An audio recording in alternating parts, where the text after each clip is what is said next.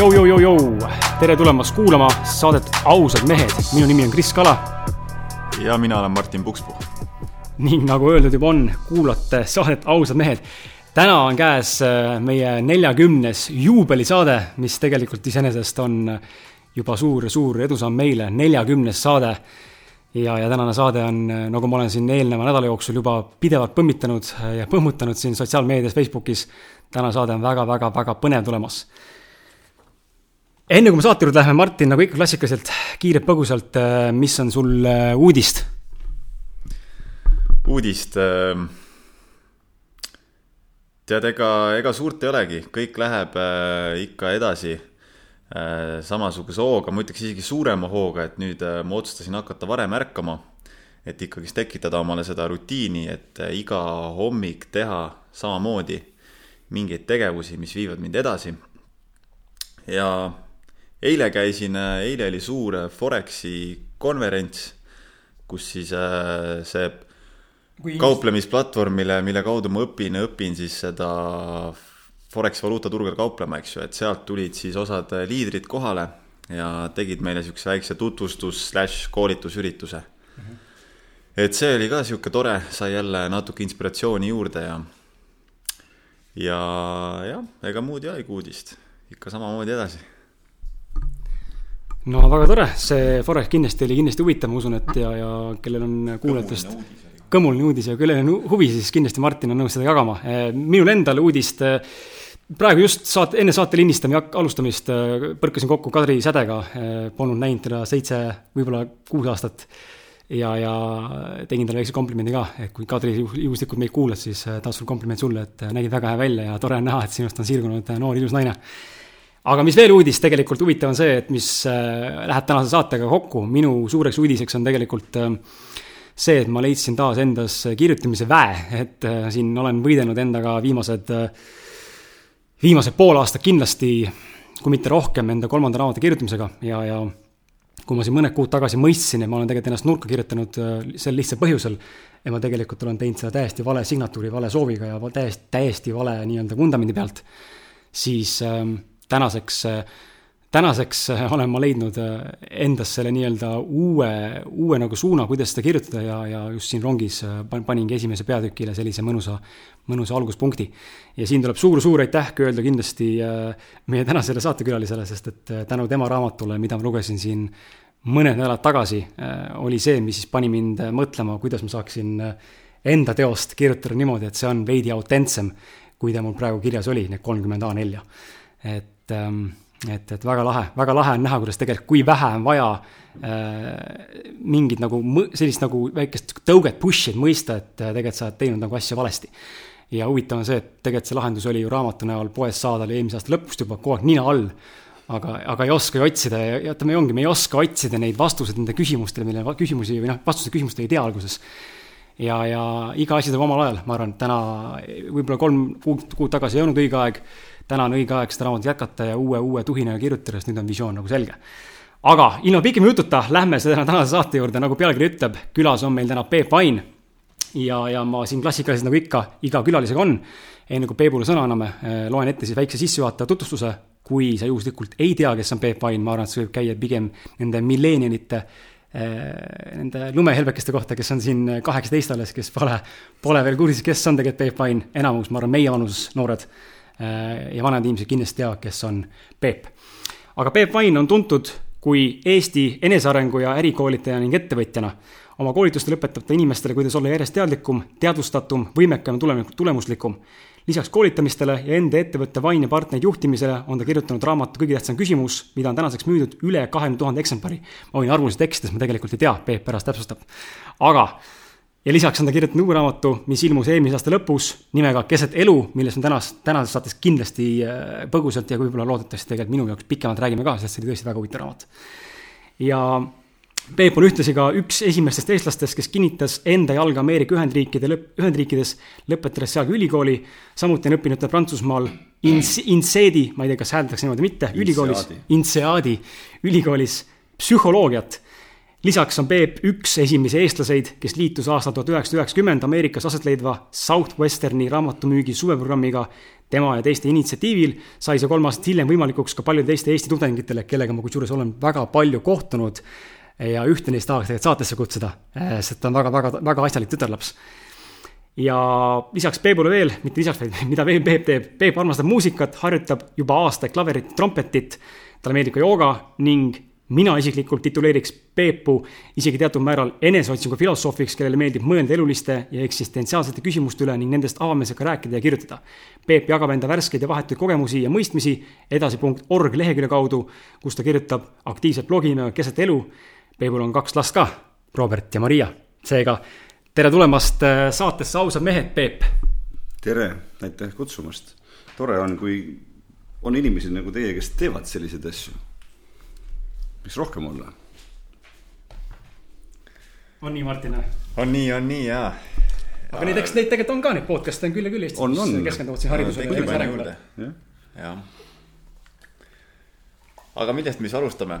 Võiks teha siukse äh, kiire sissejuhatuse, et võib-olla lühidalt äh, võiksid rääkida, Peep, et äh, sihuke lühike lugu, kust sa tulid äh, kuidas sai sinu teekond alguse nii-öelda enda siis äh, sügavama pooleni ja, ja, ja kus sa tänaseks oled?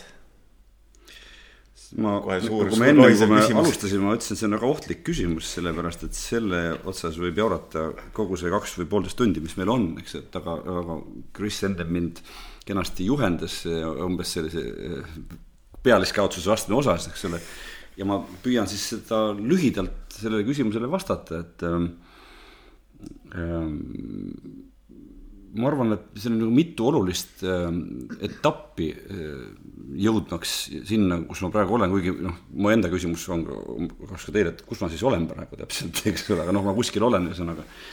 et eks ta läbi selliste kogemuste ja, ja ma julgen öelda ka kannatuste on see teekond läinud nagu ühest suurest sündmusest teise või ühest pikemast kogemusest teise ma kõiki ei hakka siin loetlema, aga näiteks Nõukogude armee oli hästi oluline sihuke ootamise ja kannatamise aeg ja tänu sellele, et seal oli nii palju tühja aega, oli, oli võimalust nii lugeda kui kirjutada kui ka mõtiskleda. ja, ja võib-olla sellised hästi esimesed tõsisemad enesesse süüvimised olidki just nimelt hästi nagu e-, ebaootuspäraselt just nimelt Nõukogude Liidu kaitsejõududes või, või relvajõududes, eks ole.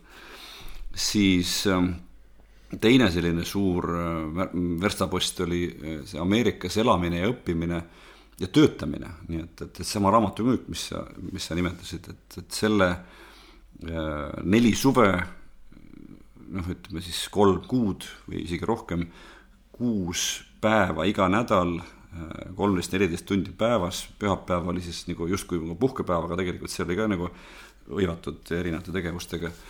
Ja kaugel võõral maal, tänapäeval on see tavaline, aga tookord oli see väga eriline, püüda siis kimbutada kodanikke ja tükkida nende kodudesse sisse, kui vähegi võimalik. Ja see muidugi ei õnnestunud noh, väga, väga tihti ja see, need kannatused, mis seal olid ja see proovile panekud, need ikkagi arendasid metsikult, eks ole, ja, ja sundisid jällegi peeglisse vaatama ja ja see, mis sealt õpetati, ma arvan, ma see koolitaja pisiku sain just nimelt sellest perioodist nagu sisse.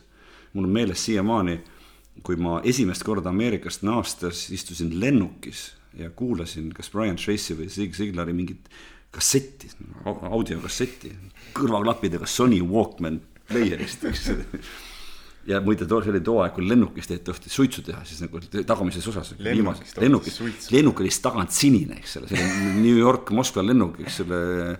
kodanikud siis Vene Föderatsioonist tegid seal tollal Nõukogude Liidus tegid suitsu, eks ole. siis ma kuulasin ja mõtlesin esimest korda nagu üks esimesi visioone, mis mul oli eh, endast tulevikus. see oli umbes nagu Nublu laul, et ma ka, eks ole mm. -hmm et ma, ma, ma, ma näen ennast samasuguse tüübina, ma olin kahekümne kahe aastane siis Ehm, ja noh, nii, nii läks ka.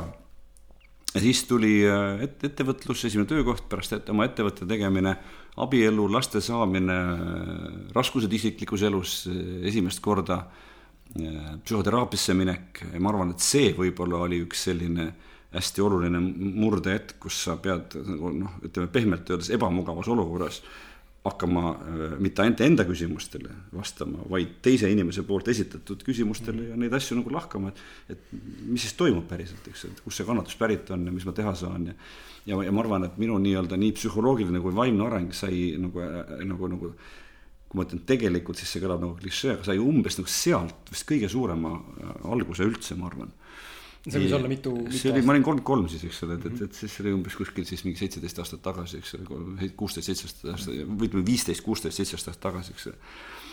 ja, ja pärast seda siis esimene selline nagu vaimne äh, õping või kogemus oli, see oli sütelkõnni instruktorite koolitus Ameerikas Dolly Birkeni juures, ma arvan, et see oli esimene päris niisugune vaimse õpetaja juures käimine, ma ei saanud tookord aru sellest, eks ole ja siis sealt edasi need erinevad teemad äh, paralleelselt koolitustega, ma tegin alguses müügikoolitusi, pärast juhtimiskoolitusi, nendest kasvas välja motivatsioonikoolitused, eks ju, noh, mis, mis see eesmärk on ja teeme ära ja oleme mm, -hmm. pingutame ja tegutseme ja kõik see. ja omakorda sealt äh, kasvasid välja muud huvid paralleelselt nende enesesse süüvimistega ja siis eh, muud huvid olidki, et, et mida ma praegu tunnen, ku-, kuidas olla õnnelik ilma eesmärkideta või noh, ilma selleta, et ma eesmärgi olen juba kätte saanud, eks ole, et, et vaid, vaid ka selle kulgemise protsessis. ja, ja need on need põhilised verstapostid, ehm, igasugune hulk kannatusi veel hiljem sinna otsa, eks ju, abielu lahutus. Ehm, ja, ja, ja, ja, ja, ja see ongi see lühike vastus. Et, et need on mõned sellised nagu märksõnad, millest ka võib kinni hakata mis on mind siis verstapostidena, verstapostidena tänaseks toonud sinna, kus ma oma elus olen. huvitav on tegelikult seda kuulata, kuigi see vaata oli hästi sihuke nagu brief, lühike kokkuvõte. Aga, ikka pikk, eks ole, ma mõtlesin, et ütleme minutiga, sa tegid enda jutu minutiga. aga, aga sa tegid seda väga lühidalt võrreldes nendega teiste külalistega, mis saates on käinud, kes mõnikord nagu Reigo mm. näiteks, mitu salavat, tere Reigo. et kes kuul-, rääkis meile peaaegu terve esimese saate poole tund aega, rääkis oma loo, on ju, mis väga huvitav oli kuulata mm., aga sa tegid seda väga lühidalt, väga kokkuvõtvalt. jah, me kokku leppisime alguses, eks ole. just, ja, ja ja huvitav nagu kuulata seda, kuidas tegelikult nii palju, mul juba tekkis nagu nii palju kõrvalisi küsimusi, eh, mida tegelikult mul ei ole üldse kirjas paberil mm. -hmm. ja nagu kõige hämmastavam on minu arust no, küsi see... esimene küsimus ära, mis, mis, mis on kõige huvitavam sinu jaoks, mis sul praegu tekkis selle jutu pealt, eks? kõige huvitavam minu meelest on see, et ähm, just see Ameerikas olemine, et nagu korra, lihtsalt korraga pähe, korraks pähe see the American dream, et nagu mm -hmm võib-olla põgusalt, äh, mina ei ole Ameerikas käinud, väga tahaks minna sul on endal Austraalia dream, eks ole. no Austraalia dream, aga, aga see American dream New York on ikka selline sihuke noh ilmselt Hollywoodi väike sihuke mõjutus on, eks ole, väga mm, -hmm. väga sisse pupatud meile see läbi erinevate teleekraanide. aga et just, äh, mis see Ameerika on, kuidas ta on, milline ta on, kas ta on see, millest räägitakse ja, ja, ja mida see või mida see riik sulle kõige rohkem võib-olla kaasa andis, lisaks, lisaks sellele koolitusõppele? no see riik, esiteks see riik on ju tegelikult nagu pidev, nagu kõik maailm, pidevas muutumises ja mina olen pidevas muutumises, et sellele küsimusele on niimoodi üheselt nagu praktiliselt võimatu vastata. ma saan vastata, äh, mis minuga juhtus seal või mida ma nagu, noh, ma võin, ma võin näiteks öelda, hakkama nagu esimesel tasemel pihta, et mulle väga meeldis seal Mm -hmm. ja siis on ajapikku olen ma sellest riigist võõrandunud, et, et ma viimast korda käisin seal neli aastat tagasi ja ma ütlesin endale, kui ma mitte kunagi sinna rohkem ei lähe, siis, siis on selles elus on väga okei okay,, eks et mul ei ole nagu vastumeelne, aga mul ei ole pooltmeelne ka mm. -hmm. kus ma lähen Ameerikasse, ma arvan, siin veebruaris ja, ja, ja homme on esimene, eks ole. et ähm, oma sõbrale, kes seal ähm, läheb operatsioonile, et pärast operatsiooni teda toetada, eks nii et, et see on hea põhjus, see on nagu piisavalt hea põhjus, et minna aga, aga jah, et, et, et mulle, mulle meeldis seal ja, ja ma, mulle meenub, et mis ma tahtsin öelda, et, et Austraalia või ükskõik mis muu, et, et asi ei ole riigis vaid asi on, mis vanuses inimene satub võõrasse keskkonda, kus ta peab ise hakkama saama. oluline on see, et juhtuks võimalikult varakult, ma eeldan. no selles mõttes äh, pigem, pigem ma ütlen jaa, aga ähm, liiga vara võib hätta jääda, eks selle, minul juhtus see vahemikus kakskümmend kaks kuni kakskümmend viis, mis ongi nagu öeldakse, et inimese kujunemisaastad kus see kahekümne kaheksanda, kahekümne üheksanda eluaastani, et kõik, mis sinnamaani toimub, on justkui nagu niisugune ettevalmistus selleks järgmiseks kolmekümneks aastaks kus on selline nagu tegusperiood või, või, või panustamise või, või loomise periood, eks ole. nii et, et see, ma mäletan Ameerikast võib-olla just nimelt, ähm, kui tunnetest rääkida, ma meenutan äh, üksi autoga sõitmise või tänavatel jalutamise või ka jalgrattaga sõitmise, no üksi oleku momente, mis olid sellised äh, nagu magusvalusad, et äh, ühe külje pealt sa oled kodust eemal ja, ja asjad ei suju võib-olla nii, nagu, nagu nad võiksid mm -hmm. mugavalt sujuda. ja teise külje pealt sa tunned, et sa oled ise omal kahel jalal, sa saad hakkama, isegi siis, kui sa oled hetkel võib-olla nii-öelda alla jäänud millelegi. ja siis ongi selline väike selline nagu neelatus või niisugune, niisugune mingi meeleliigutus, klomp on nagu kurgus, eks ole. natuke nagu kergelt tikub nagu pisar, tead mm, -hmm. ninna või silma, eks ole. aga samal ajal see tunne on samas niisugune uh,, niisugune nagu uh, nagu oleks hommikul tead, tuled välja uh,, uus päev ja värske õhk ja kõik see. et sellist tunnet ja, ja see, ja see, see tegi suuremaks, ma ütleks, et, et, et mingis nagu kujunemisaastatel, ükskõik, kas sa oled siis kaheksateist kakskümmend viis, eks ole. et, et sattuda võõrasse keskkonda, kus sa pead ise hakkama saama ja kus loodetavasti ei lähe väga halvasti, sest kui väga halvasti läheb, siis see päris alla jääd. et siis on ju vilets, eks ole, siis see, see, see, see ei pruugi sulle niivõrd õpetada, kuivõrd haiget teha sulle. aga oletame, et sa saad ikka enam-vähem hakkama ja siis ta lihtsalt see, see teeb nii eh, inimest, siis mind tolles vanuses, eks ole, ükskõik keda, eks ole, teeb inimest suuremaks ja ta samal ajal teeb ka selle inimese maailma suuremaks, et toimub nagu topeltavardumine. et igal juhul on kihvt, eks. aga, aga noh, milline see riik oli noh, eks ta on, ta on suur ilm, ilmselgelt, eks ole, ta on äh, kiire, ta on ikka pealiskaudne, ta on natuke selline pisut nagu labane kohati, eks ole, natuke selline lihtsustatud, äh, värvikirev, ähm, avar, ähm, noh, need mõned märksõnad mm. -hmm ja, ja selles mõttes mulle oli see kohutav kontrast, noh, see, see minule tookord Ameerikasse sattumine oli sama kontrast, kui te satuksite pärast kuskilt tulnukate planeedile. ilm, ilma naljata, eks ole. ma, ma tulin nagu, Eestis oli tookord kolm raadiojaama ja kaksteist erinevat nagu seda automudelit, sõiduauto mudelit mm, -hmm. eks ole oli neli, noh umbes nagu kaksteist, võib-olla viisteist, eks ju, neli tootjat, igal tootjal umbes kolm marki, eks ja ma läksin sattusin üheksakümnenda aasta suvel Ameerikasse tulin lennuki pealt maha, siis meil üks tüüp tuli vastu. ja, ja ma vaatasin nüüd suu lahti aknast välja. ja esimene lause oli, jõle palju välismaa autosid, eks ju. ma olin tõesti nagu blown away, eks ole. ja siis teid pani raadio mängima ja siis ta hakkas seal näppima, seal tuli, tuli mingi nelikümmend raadiojaama järjest, eks ole, nagu umbes nagu noh, rohkem no, kui meil praegu, eks ole, umbes nagu, umbes nagu meil praegu. see oli, see oli niisugune, see lihtsalt ei mahtunud mulle pähe ära, järgmine päev Manhattanil, New Yorgis täpselt, eks ole, ja siis seisadki seal nende Äh, pilvelõhkute vahel vaatad üles ja mõtled, huvitav, miks nii suured majad tehti, eks, et, et, et nagu täiesti uskumatu lihtsalt nagu igal pool. vot sellised tähelepanekud, aga igalühel tuleb seda maailma endal avastada ja, ja igaühe, ühe jaoks on see kogemus nagu kuidagi omamoodi, nii et, et. aga võib-olla märksõna võiks ka olla see, et maailma ja teadvuse avardumine. jah, ja siin tuleb kohe meelde see Austraalia kogemus, et me olime Krisiga samal ajal olime Austraalias ja. koos alustasime et, et, et noh, sul oli neid raskusi kindlasti rohkem seal Jumala kui, kui, kui meil, et aga, aga jah, ma mäletan, olid ka mingid, mingid punktid, kus oli sihuke, tahaks koju ära lennata, et sihuke hirm oli ja kas me saame edasi hakkama või saab mm -hmm. raha otsa ja, aga ikkagist, ikkagist jäime ja, ja läks kõik hästi ja et selles mõttes on ka nagu tore meenutada tegelikult seda, seda proovilepanekut. Huvitav mm -hmm. ongi see, et see oli minu jaoks samamoodi sihuke hästi meeletu eneseavardamise ja enesekindluse süstimise nagu teekond, poolteist aastat. et ma käisin operatsioonil ja olin seal võlg, ma olin täitsa, täitsa niimoodi, et ma põhimõtteliselt, äh, ma oleks järgmisel päeval läinud, äh, oleks läinud nagu enam-vähem toidule poodi vargi, vargile, siis mul polnud raha süüa mm -hmm. mingi aeg ja ma olin ikka päris omadega põhjas ja, ja ikka päris retsil, aga praegu mõtlen selle peale tagantjärgi, siis oli ülifantastiline reis mm. -hmm. ma tahaks uuesti sama asja teha, kui ma tahaks uuesti sama asja teha, ma teeks täpselt sama asja uuesti. äkki teeks paremini natuke. äkki teeks võib-olla paremini, aga ma teeks uuesti lihtsalt. me jõuame raamatust rääkida veel, aga, aga see raamatu, selle keset elu raamatu niisuguse allhoovus on, võiks öelda just, kannatuste pidev vähendamine mm. -hmm. et mhm. kui sa nüüd läheksid, eks ole, järgmisele reisile, siis nagu ta peaks nii noh, teoreetiliselt kui ka praktiliselt ikka minema nagu natukene või palju libedamalt mm, -hmm. eks ole, väiksemate viperustega, väiksemate, väiksemate kannatustega. seda küll, jah. ja samas kannatused on, õilistavad ikkagi, et, et, et inimesed õpivad.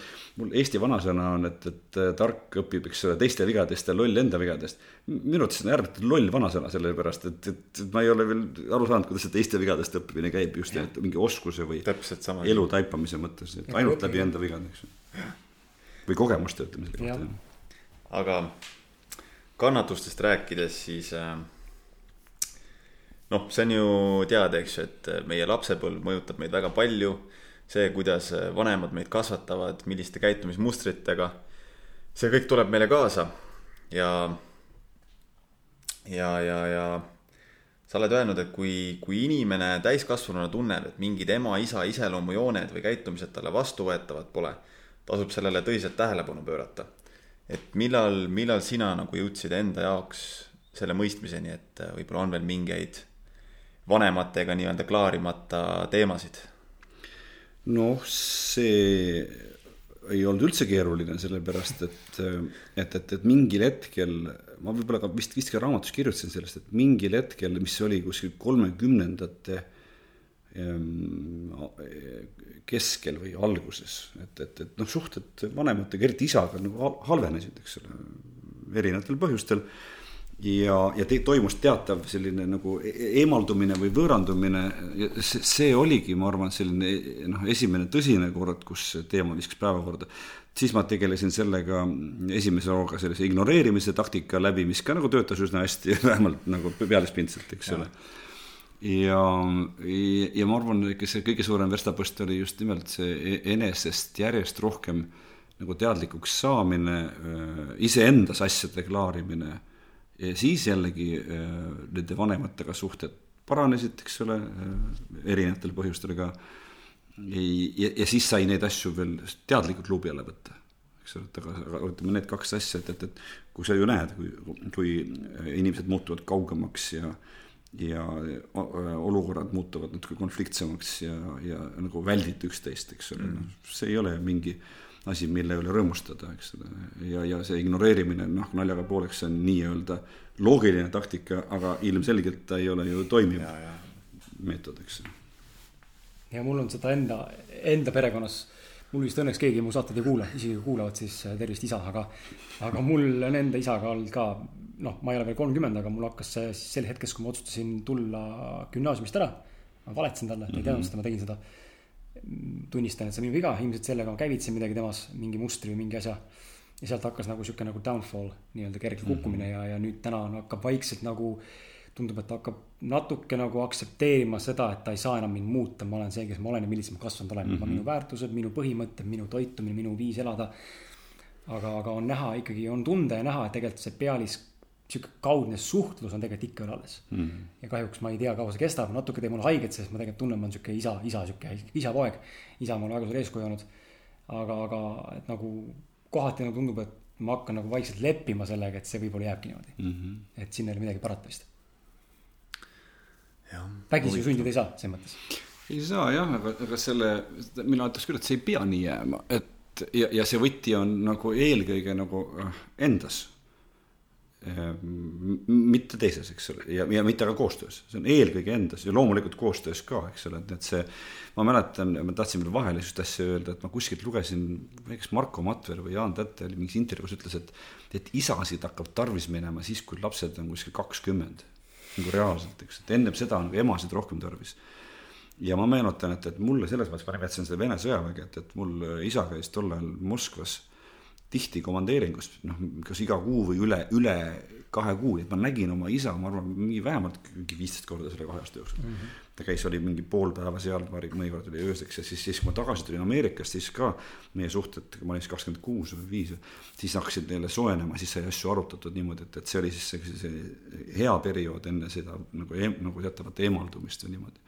ja siis nüüd jällegi viimasel ajal, mul on vanemad veel õnneks elus, nad on noh, teie vanematest ilmselt vanemad, eks ole olulisel määral ja, ja, ja nüüd viimased aastad on jälle olnud hästi, hästi positiivsed, eks ole, et, et ja, ja mul on hea meel just, et see kõik juhtus vanemate eluajal. nii et, et mm -hmm. tasub, tasub püüelda igal juhul selles suunas, eks. absoluutselt. Äh, võtaks, äh, puudutaks korra seda teemat, et äh,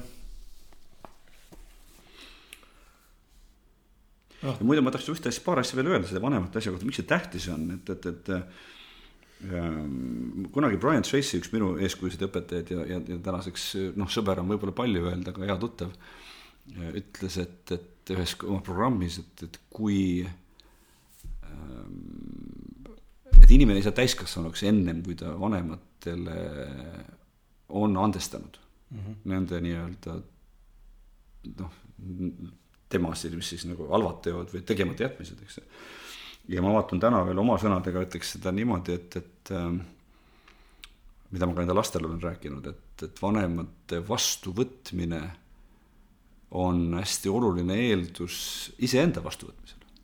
ja see, see on nagu niisugune kahe otsas, kahe teraga mõõk, et, et vanemaid on sul lihtsam vastu võtta siis, kui sa nagu ennast järjest paremini tundma õpid ning vastu võtma õpid, eks ole mm. -hmm aga niikaua, kui sa oma vanemate suhtes oled kuidagi põlglik või vaenulik või, või üleolev või natuke niisugune naeruvääristav, siis sa nagu naeruvääristad teatud osa iseendast. noh, geneetiliselt oled sa viiskümmend protsenti ema ja viiskümmend isa, eks ole, kasvatuslikult ka äh, ja need, need mõjutused, noh, räägi-, rääkimata välimusest, eks ole füüsilisest, aga, aga need, need, need psühholoogilised mõjutused, need on, need on palju suuremad, kui me nagu eriti noorena mm -hmm. tahame endale tunnistada. minu üks välimust rääkides kõige naljakam moment oli siis, kui ma olin isaga just natukene nugade peal siis oli mul üks koolitusreklaam, sihuke suur nagu roll-up bänner oli mul töö juures oma kontoris nagu ukse kõrval. ja ma olin seal, ühe fotograaf oli teinud profiilis mu pildi, nii et, et, et mu nägu seal pildi peal oli suurem, ma arvan, kui mu pea nagu laivis, eks ole. ma läksin koju üks õhtul ja vaatasin korraks seda pilti külje pealt ja ma katsin kinni niimoodi nagu osa näost, osa näost, jätsin ainult nagu nina ja ala, nagu nina ja suu ja lõua ja vaatasin, et oh kurat, see on mu isa pilt, eks ole. Et täpselt mõtlesin ja see oli identne, ega minu pilt kõrvalt profiilis oli täpselt nagu, ja see oli nagu hästi suur siukene, oh, omad mehed, eks ole, et, et, et, et ühesugused umbes, eks ole, et, et ja see samasus selle nagu, vaata noor inimene tahab kangesti punnitada ennast erinevaks mm, -hmm. nagu paremaks vanematest ja teistsuguseks ja nagu, nagu kaasaegsemaks ja nagu, nagu, nagu targemaks ja kuidagi no, nii-öelda normaalsemaks mm. -hmm. aga siis see nagu viib laiali, eks ole, aga tegelikult oleks nagu vaja kuidagi kokku tulla, eks ole. Sihuke, siukene, sihuke jutt vahepeal, vahepeal. kõlab loogiliselt, mina mina nagu, mulle on tihti öeldud seda, et kurat, sa näed nagu vana kala välja juba. kõik kalad nagu isa, vana kala, täpselt nagu koopia et, et see on. tahaks vastu vaielda, tahaks protesteerida. ei tahaks, kusjuures ma näen, ma näen ennast. kurat, mingi umbes, eks ole, hästi oled ja, ja, ja oleme, oleme, oleme nagu isegi mitte rõõmsad sellest, oleme lihtsalt okei okay sellega mm. -hmm. see on nagu point. ja, ja mingil hetkel, kui suudame ka rõõmsad olla, siis on ju veel parem. Mul just tulid sina, Martin, Martin meelde selle jutu ajal, et, et vaadata oma isale nii-öelda otsa või vanematele otsa ja andestada talle, sest sinul on ilmselgelt nagu vähe raskem andestada talle mm. kui mul näiteks mm. -hmm. mul ei ole midagi andestada, ma olen väga tänulik enda isale mm.. samas ma olen, ma tunnen, ma olen vist viimaste kuudega mingit meeletut progressi teinud. sest et ma hakkasin märkama, et mingid kuud tagasi isa hakkas minuga rohkem ühendust võtma. hakkas rohkem äh, helistama mulle nii palju, kui ta oskas, välja näitama. Et ta tunneb huvi, millega ma tegelen, hoolib minust. ja siis ta kutsus äh, mind ja mu tüdrukut Anjat, eks ju, kutsus äh, jõuludeks külla. mul oli sihuke, oli selline nagu vastuolu sees, et nagu tahaks minna, aga samas nagu ei taha ka ja pärast jälle tulevad mingid vanad asjad üles ja hakkad tegelema nendega ja kaklema seal. mõtlesin, et ei, lähme ja, ja si-, ja ülitore kogemus oli ja nägin, kuidas isa nagu astus tõsiselt sammukese lähemale minule. et tulla vastu. et tulla vastu ja see oli nii sooja tunde tekitas ja nüüd tunnengi, et alates sealt kuidagi mingi energeetiline muutus on toimunud. et mul ei ole enam, äh, kui ma mõtlen oma isa peale, mul tuleb pigem hea tunne.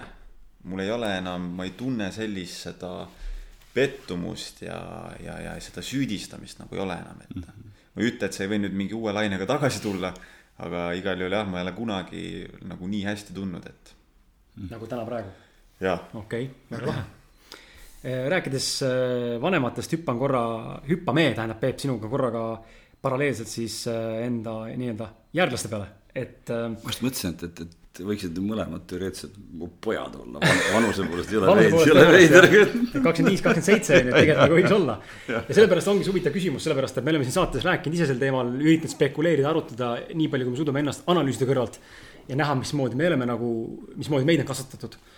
Ja, ja oleme kuulanud ja rääkinud ka tuttavate inimestega ja kellega iganes siin enda vanusekaaslastega ja kõigil tegelikult on näha, et on mingisugune erinev, erinev selline üles nagu tulemine, upbringing on ju, mhm. inglise keeles sõna.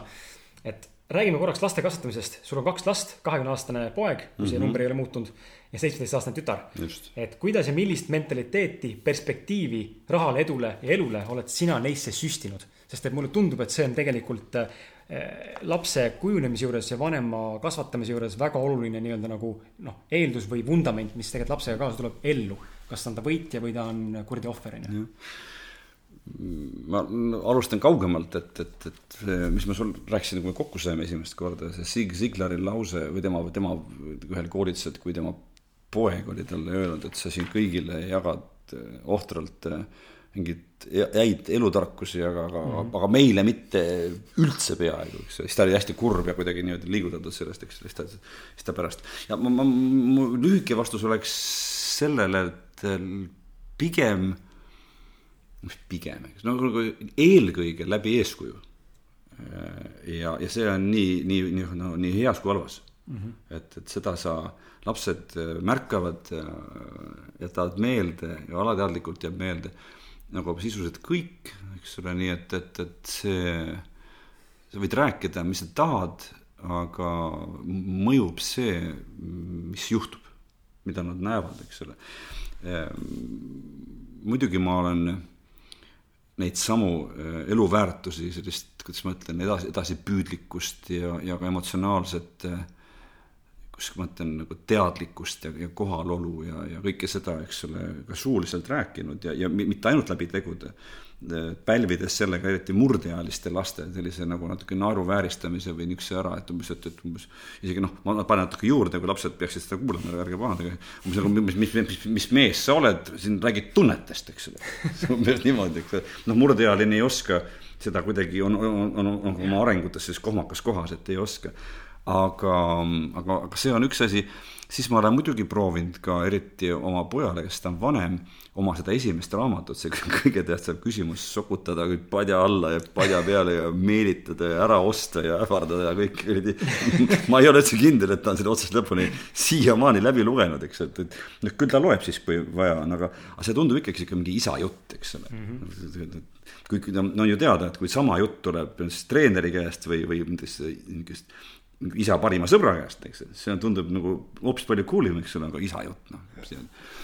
ja, ja, ja lapsed on selles, minu lapsed on, on hästi sellised nagu terased ja taiplikud ja ja, ja noh, teate nende bullshit radar on ikkagi nagu väga tundlik ja põhjas, et, et seal mingisugust noh, kägu ajada või, või keerutada või ei saa, eks, et on, on nagu on, eks ole.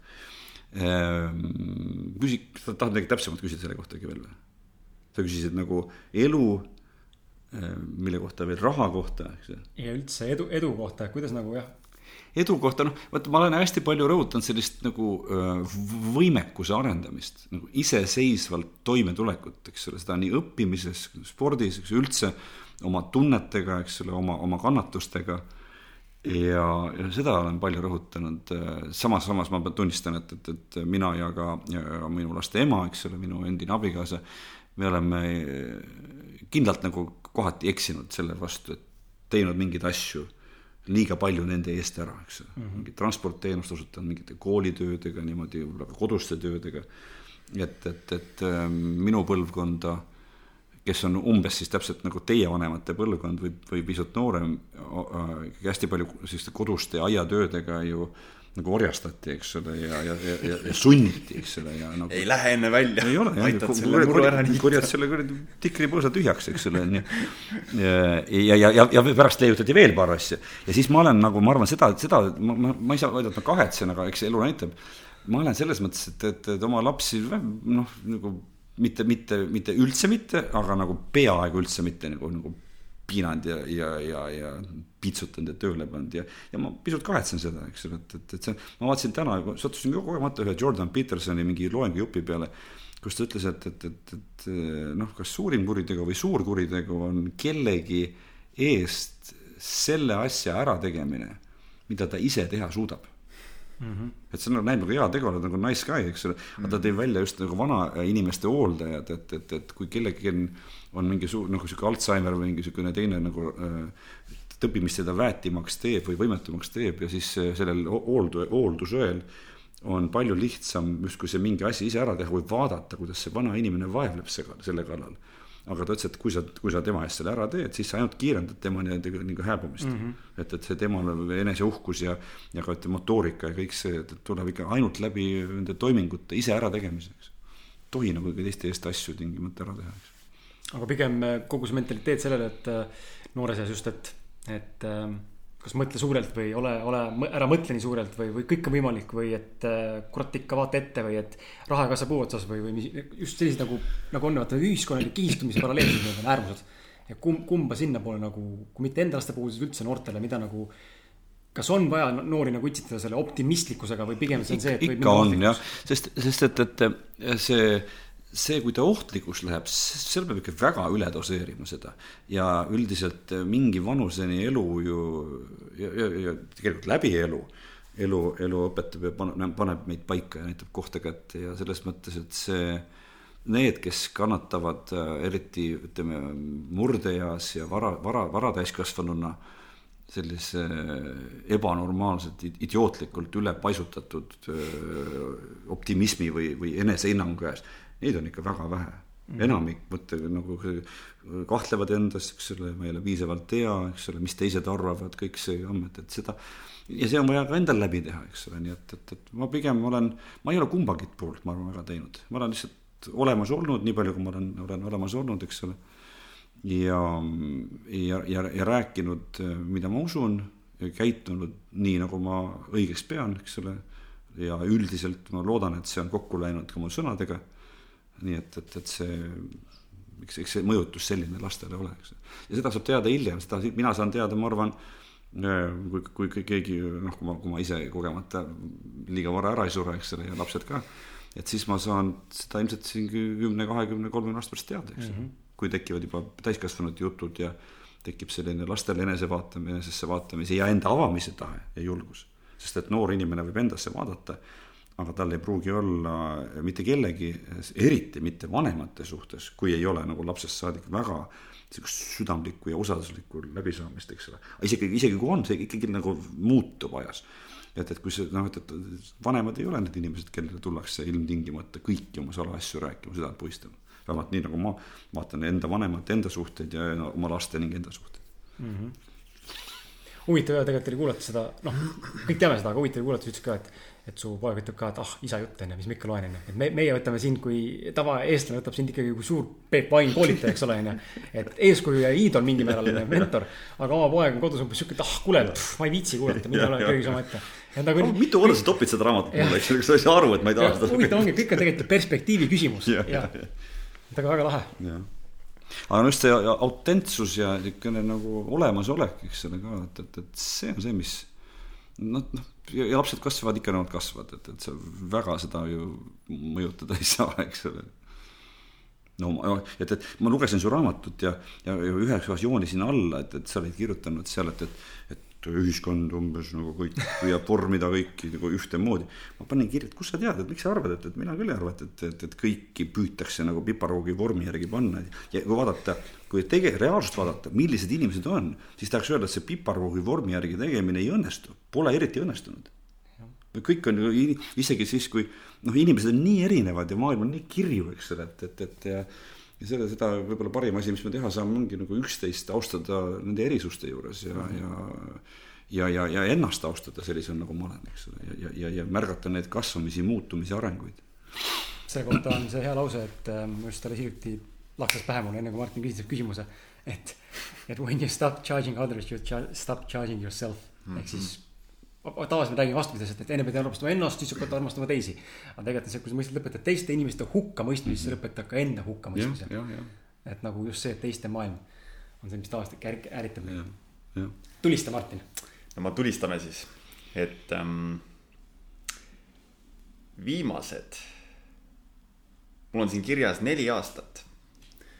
Äh, kas see vastab tõele, et viimased neli aastat sa oled olnud äritegevusest täielikult eemal ja millest äh, peaaegu jah, kui ma veel täpsemalt ütlen, ma olen, ma pole peaaegu viis aastat tööl käinud. ma tean, et seda ei, ma ei tahaks üldse rääkida sellest, see tekitab ilmselt arusaamatust ja ma tahaks öelda kadedust ja halvakspanu ka, eks ole, aga, aga, aga nii on. söök on ju. aga nii on, eks ole, et, et, et. kurat, ei käi tööl jah mm, -hmm. ma arvan, et on parem jah. aga ma, aga selles mõttes ma pole, ma viimati töötasin kellegi teise heaks üheksakümne seitsmenda aasta talvel, eks ole mm. -hmm. et ma olen nagu ise olnud ettevõtja ja oma firmat juhtinud, nii et selles mõttes. teoreetiliselt pole sa käinud mitukümmend aastat. jah, jah, just, eks kuigi, kuigi mida, millest, mis on üks hoopis omaette suur teema, on see, et, et kui sa ettevõtja oled ja kellegi teise heaks ei tööta, siis sa oled mõnes mõttes suuremas orjuses kui palgatöötaja mm. -hmm saad iseenda selle loodu või loomisel oleva asja nagu mm, -hmm. nagu eriti kui sa fännad seda täiega, eks. aga mis sa küsid, mis sa küsida tahad selle kohta? et eh, jah, siit lähekski edasi, et eh, kuidas sa nagu jõudsid selline, selleni, et eh, nüüd on aeg võtta aeg maha, vaadata võib-olla rohkem endasse, et kuidas sa, kuidas sa jõudsid selle otsuseni? Mis, endasse mis vaatasin ma ammu ennem juba, see, see ei olnud see point, et, et see, see lühike vastus on see, et, et, et ma nagu ammu igatsesin nagu puhkusest, sellisest pikemast puhkusest, noh pikem on pool aastat kuni aasta mm. ja siis mul üheksa aastat kogusin julgust selleks, natuke kogusin raha ka, eks, et ega päris ilma ei saa. ja, ja mingil hetkel siis ma tegin selle otsuse ära, nii et, et, et see oli selline noh, kui paar sammu tagasi minna, siis sellest keset elu raamatust ma kirjutan sellest, et, et ma olin kahekümne viie aastane siis Ameerika ülikoolis käies. ma sain teada, et, et sealsed professorid, kui nad nagu on hästi tublid ja pingutavad, nad saavad eluaegse töölepingu mille nimi on inglise keeles tenure. Ja siis nad tohivad selle raames iga seitsme aasta tagant olla pool aastat või aasta töölt eemal, kas siis lugeda, kirjutada, teha ja akusid laadida. aga saades ka sama palka? just nimelt, eks täis, pool aastat täispalka või, või, või terve aasta pool palka ja, ja siis ja teine asi, mis tookord ma mäletan Ameerikas õppides ja töötades mulle tundus nagu, mida propageeriti, oli see, et, et tuleks suuta esimese kahekümne, kahekümne viie aastaga nagu nii tubli olla ja ka nii palju raha teenida, et sa sisuliselt võid neljakümne viieselt panna jalad seina peale ja mitte midagi rohkem teha, eks ju. et see raha töötab sinu jaoks. kuskilt jäi mulle see meelde, et, et, et, et siis ja, ja noh, tegelikult peab vaatama ka seda pingutust, mis ma tegin läbi nende kahe, kahekümne aasta vältel. ja, ja mingisugused vastumeelsused, mis tekkisid ja, ja, ja selline tõesti nagu tahtmine korraks sellest rattast täielikult nagu välja astuda, nii et see oli kõige suurem mm see mm, innustaja või, või, või motivaator minu jaoks ja, ja sellega läks kaua aega. Ähm, ja, ja see, see paus kuidagi müstiliselt nagu pikenes ja pikenes ja pikenes ja pikenes kuni siis nagu kestab mm -hmm. ja, ja, ja, ja, ja praegu siis on, saab viis aastat täis varsti. ja praegu ma tunnen, et, et, et see neli aastat, mis, mis täitus möödunud suvel, oligi umbes sihuke paras aeg, et tekiks selline sihuke sisemine kripeldus ja, ja vajadus ja tahtmine ennast väljendada, olla inimeste kontaktis, tulla teile täna siia külla, eks ole. anda see raamat välja ja, ja, ja tõesti ast-, nüüd astuda ette, eks. teha midagi, mis ennast äh, heas mõttes erutab. ja teha midagi, mille, millest teistel on kasu ja siis nagu panna see saa-, andmise, saamise ring nagu uuesti mm-hmm. käima, eks ole, et, et mitte, mitte tunda ennast nagu sunn-, sunnituna. vaid just nimelt väga tahta teha seda aga mis, äh, mis on äh, siuksed suurimad mõistmised või arusaamised, õppetunnid nüüd selle viimaste aastate jooksul siis mm.?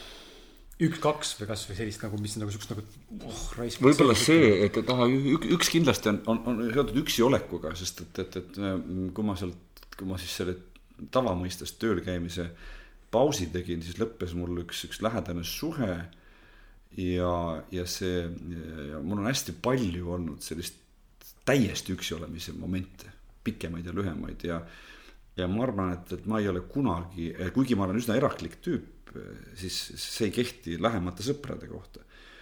et, et ja ma ei ole olnud väga hea üksi olija ja ma käisin kunagi Mare Porgi juures äh, teraapias ja siis ta enda kohta ütles hästi nagu joviaalselt ja rõõmsalt, et tal on oma seltsist nii lõbus olla, et, et talle kohe väga meeldib, eks ole.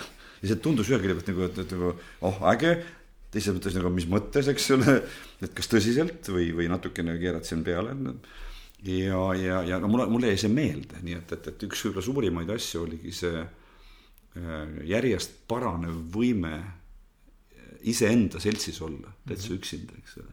ja, ja minna läbi ka mingisugustest kurvematest või üksildasematest perioodidest ja ja õppida enda seltskonda nagu nautima. ma arvan, see oleks nagu üks asi um,. aga taipamistest ma esialgu ei, ei tulegi kohe midagi pähe, aga, aga kogemistest ma võin küll öelda, et, et see, mis, mida, millega ma hakkasin nagu alguses justkui pealtnäha oma aega täitma, oli see muusikaõpe, mis alguses tundus, et on sihuke tore hobi ja siis järjest süvenes ähm, ja süveneb siiamaani et äh, ma ei mäletanud ammu, mis tunne on tunda ennast saamatuna tundnud täiesti saama, täiesti abituna, eks ole.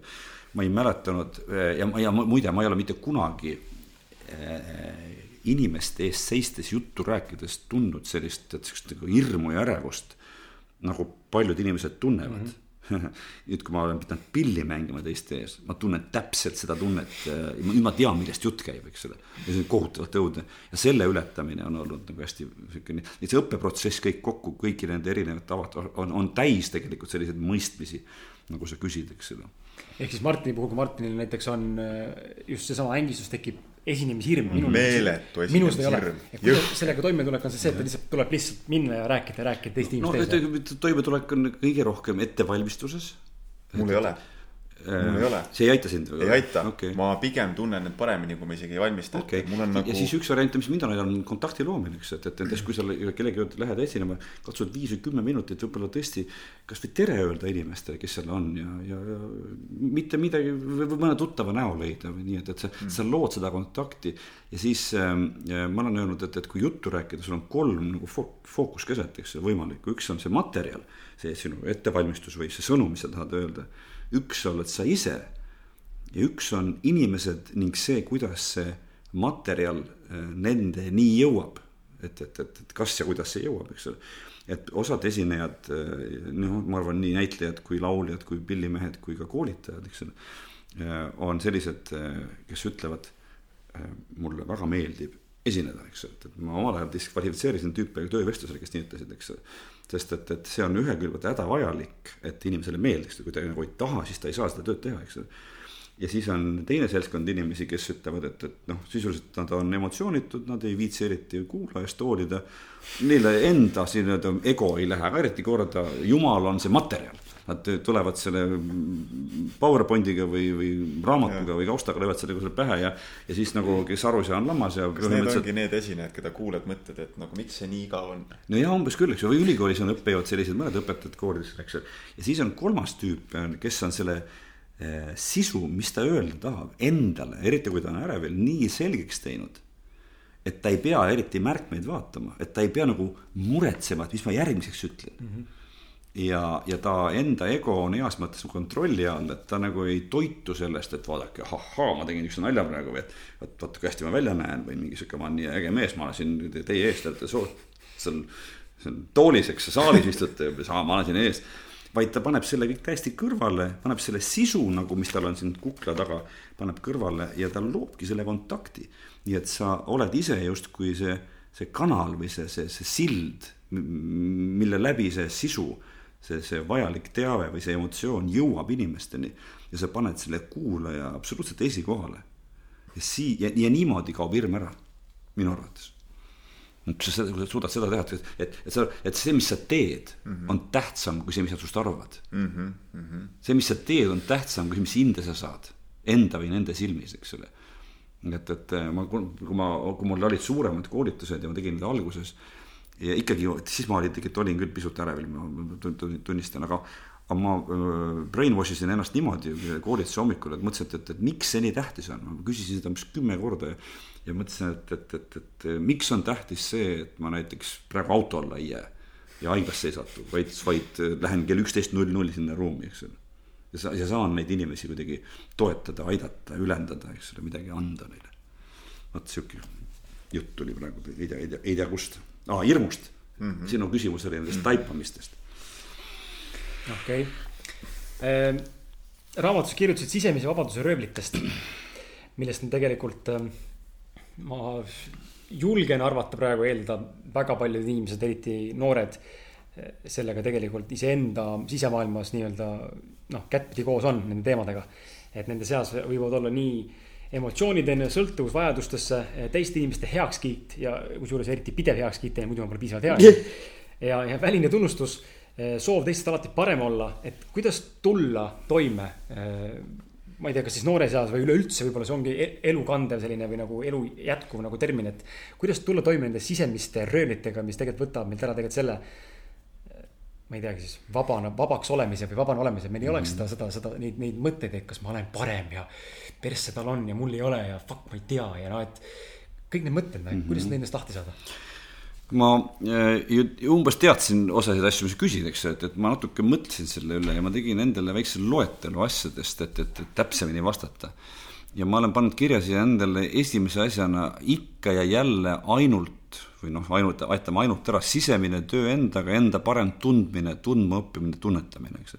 ehk siis see nagu arusaamine, kes ma olen, mis mulle tähtis on, miks ma midagi teen, eks ole märkamine, mõistmine, järelduste tegemine kõigest, mis toimub ja muutuste tegemine lähtuvalt sellest, eks ole, nii-öelda enda valikutes, enda aja, aja veetmises, kellega ma aega veedan, eks ole, mida ma sihin.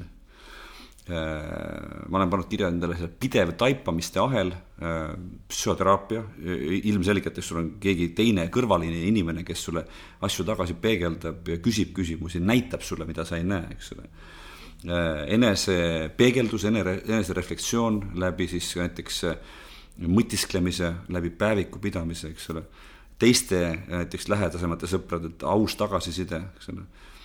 Ähm, ja viimane asi, mis ma panin kirja, et arusaamine, äh, eelviimane arusaamine, millal on millestki piisavalt, näiteks tunnustusest või, või heakskiidust, eks ole, või, või saavutustest. ja, ja teiseks arusaamine, et miski asi kui miski asi, näiteks teiste heakskiit, ei anna sulle seda, mida sa tegelikult vajad. ehk siis nagu see on pidev selline, kas ma ütlen nagu ärkvel ja märkamises ähm, olemine äh,, noh, kõlab natuke võib-olla üle mõtlemisena, aga pidev analüüs, pidev äh, küsimuste esitamine endale äh,. Need on noh, nii-öelda mõned peatüki pealkirjad vastuseks sinu küsimusele töö iseendaga oleks selle kohta selline. pidev teadlikkus, eks ju. jah, noh, kas, kas, kas sada protsenti, eks ole, kas, kas sada protsenti päris jaksad, aga, aga ikkagi nii, et, et, et, et see, need, need, need, need vabaduse röövlid lakkavad olemast järjest nagu vähem ja vähem, tähendab, vabaduse röövlid, mida rohkem ja rohkem sa nagu tunned huvi reaalsuse, iseenda, oma tunnete ja oma sisemaailma vastu, eks ole, et, et olla nagu just nimelt tea-, mida rohkem teadlik ja teadval oled, eks ole see psühhoteraapia on äh, mulle endale, kui ma seda raamatut lugesin, siis ma tegelikult sain aru sellest, et, et kurat, et mul vist on vaja seda. sest et ma tunnen, et on ikkagi minu juures väga palju selliseid, see kõik tuleb sellest, ma näen nüüd, et äh, tänu sellele, ma ei tea, ma olen tänulik iseendale või kelle iganes, minus on olemas see eneseanalüüsi võimekus mm. -hmm. sest et kui mul seda ei oleks, siis ma ei näeks, et mul on probleem, millega ma ei saa hakkama. absoluutselt, jah, jah. ja, ja ma näen, mul on probleem neid on tegelikult rohkem kui üks, aga, aga ma näen, et nagu juurdunud probleemid, sellised alaväärsuskompleksid, mis lihtsalt tulevad kogu aeg esile ja mis tegelikult nullivad ja ruineerivad teisi asju oma elus. ja, ja lõpuks on see, see lõputu ahel ja lõpuks sul on omadega tsüklis ja lõpuks sul on, on päev, tund, sitt tund, sitt päev, sitt nädal, sitt kuu ja sitt aasta, onju. Õnneks aastat pole olnud, aga, aga mm, -hmm. aga lihtsalt on näha nagu, et mul on vist vaja seda abi, et, et sinu raamat nagu andis nagu selle koha pealt vähemalt see lõik andis lootust, et äkki tõesti on aeg pöörduda kellegi juurde, kes on nii-öelda mm. spetsialist. absoluutselt ja, ja mul on üks terve peatükk selles raamatus, mille nimi on järjest tervemaks ja tervemaks, kui hing on haige, mis räägib sellest vajadusest enda mineviku haiget saamist ja haavadega nagu tööd teha või neid ravida.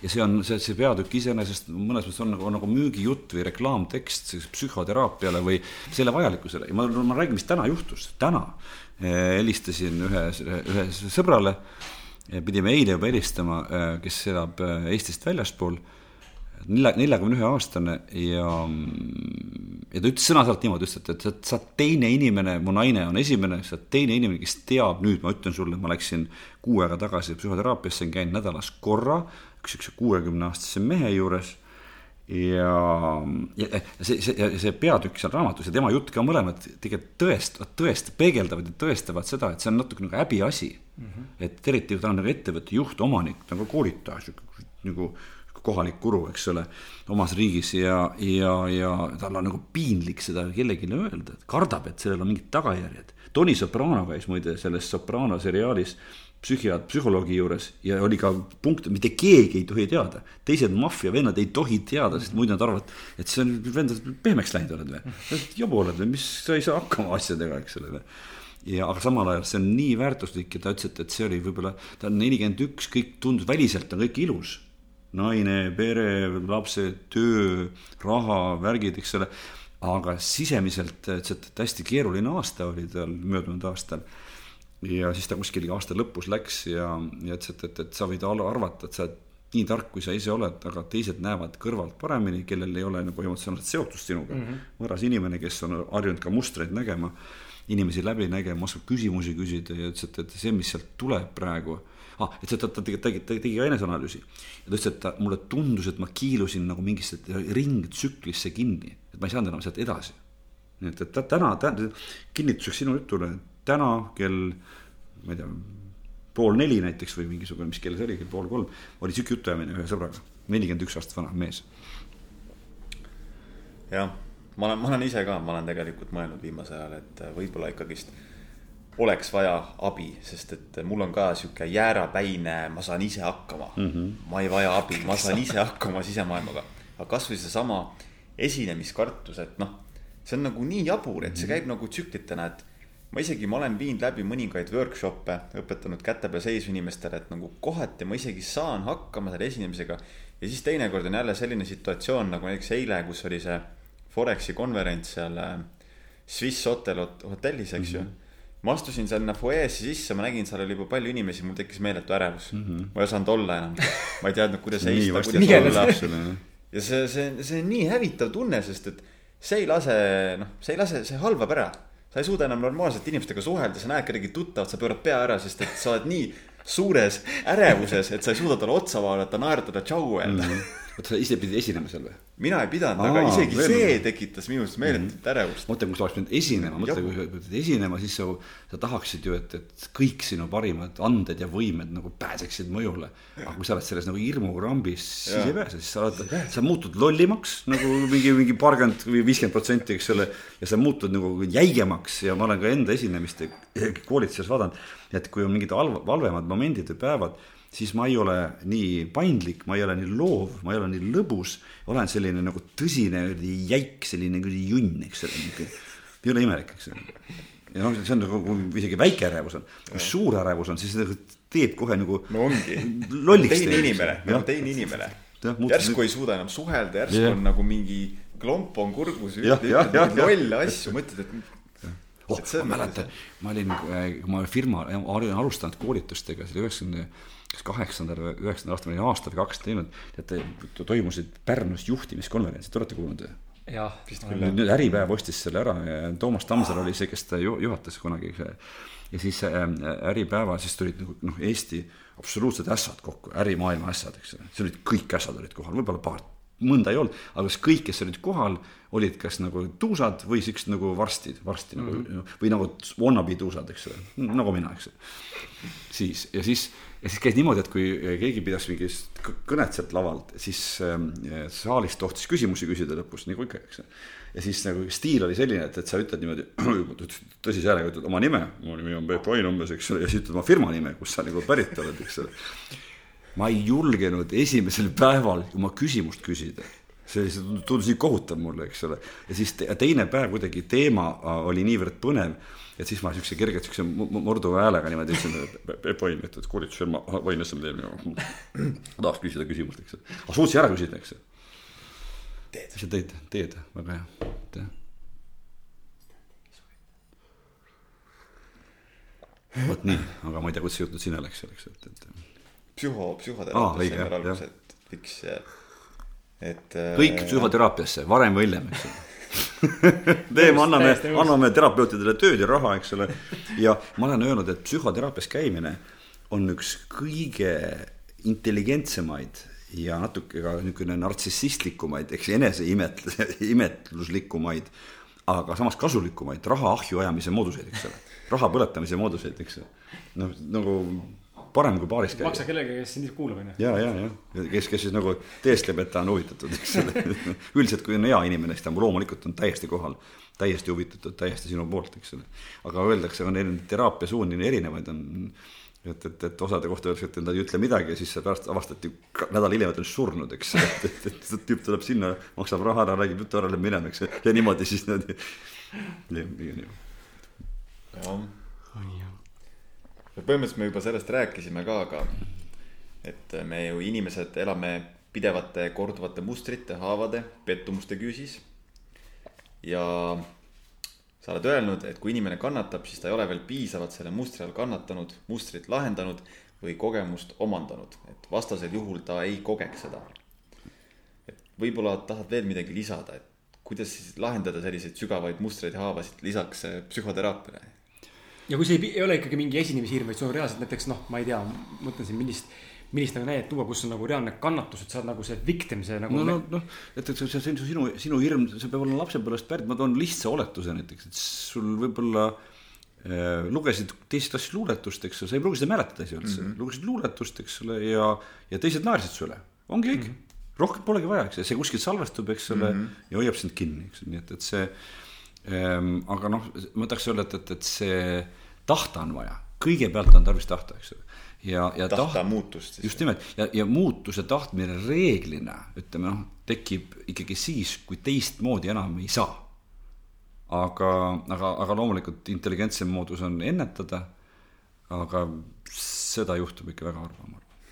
pigem on see, et, et, et inimesed satuvad noh, ei, ei enam ei, enam niimoodi nagu vanamoodi selle kannatusega koos ei sobi. ühel hetkel vot enam ei, ma ei ole nõus ja kõik ja siis ma hakkan otsima lahendusi huvitav nagu.... tegelik vastus su küsimusele on, et ei, ma ei taha midagi rohkem selle kohta, et tegelikult huvitav näha, eile just elukaaslane ütles mulle äh, voodis olles, et äh, huvitav, et millal tuleb see piir, tal on ka mingid enda mingid asjad, millal tuleb see piir, kus ma nüüd tunnen, et nii, kõik nüüd aitab, sest ta on varem kogenud seda, ma ise olen kogenud seda varem mingite asjade juures, et nii, kõik. Mäletan, kui ma pöördusin taimetoitluseks, siis ma tookord mäletan, mul initsiatiiv oli sellepärast, et mm -hmm. ma tegin, valmistasin pettumust elukaaslasele, pannes teda sööma midagi, mida tegelikult ei tahtnud. noh big deal on ju, aga mm, -hmm. aga tema oli vaid teinud otsuse tol hetkel, et enam ei taha seda.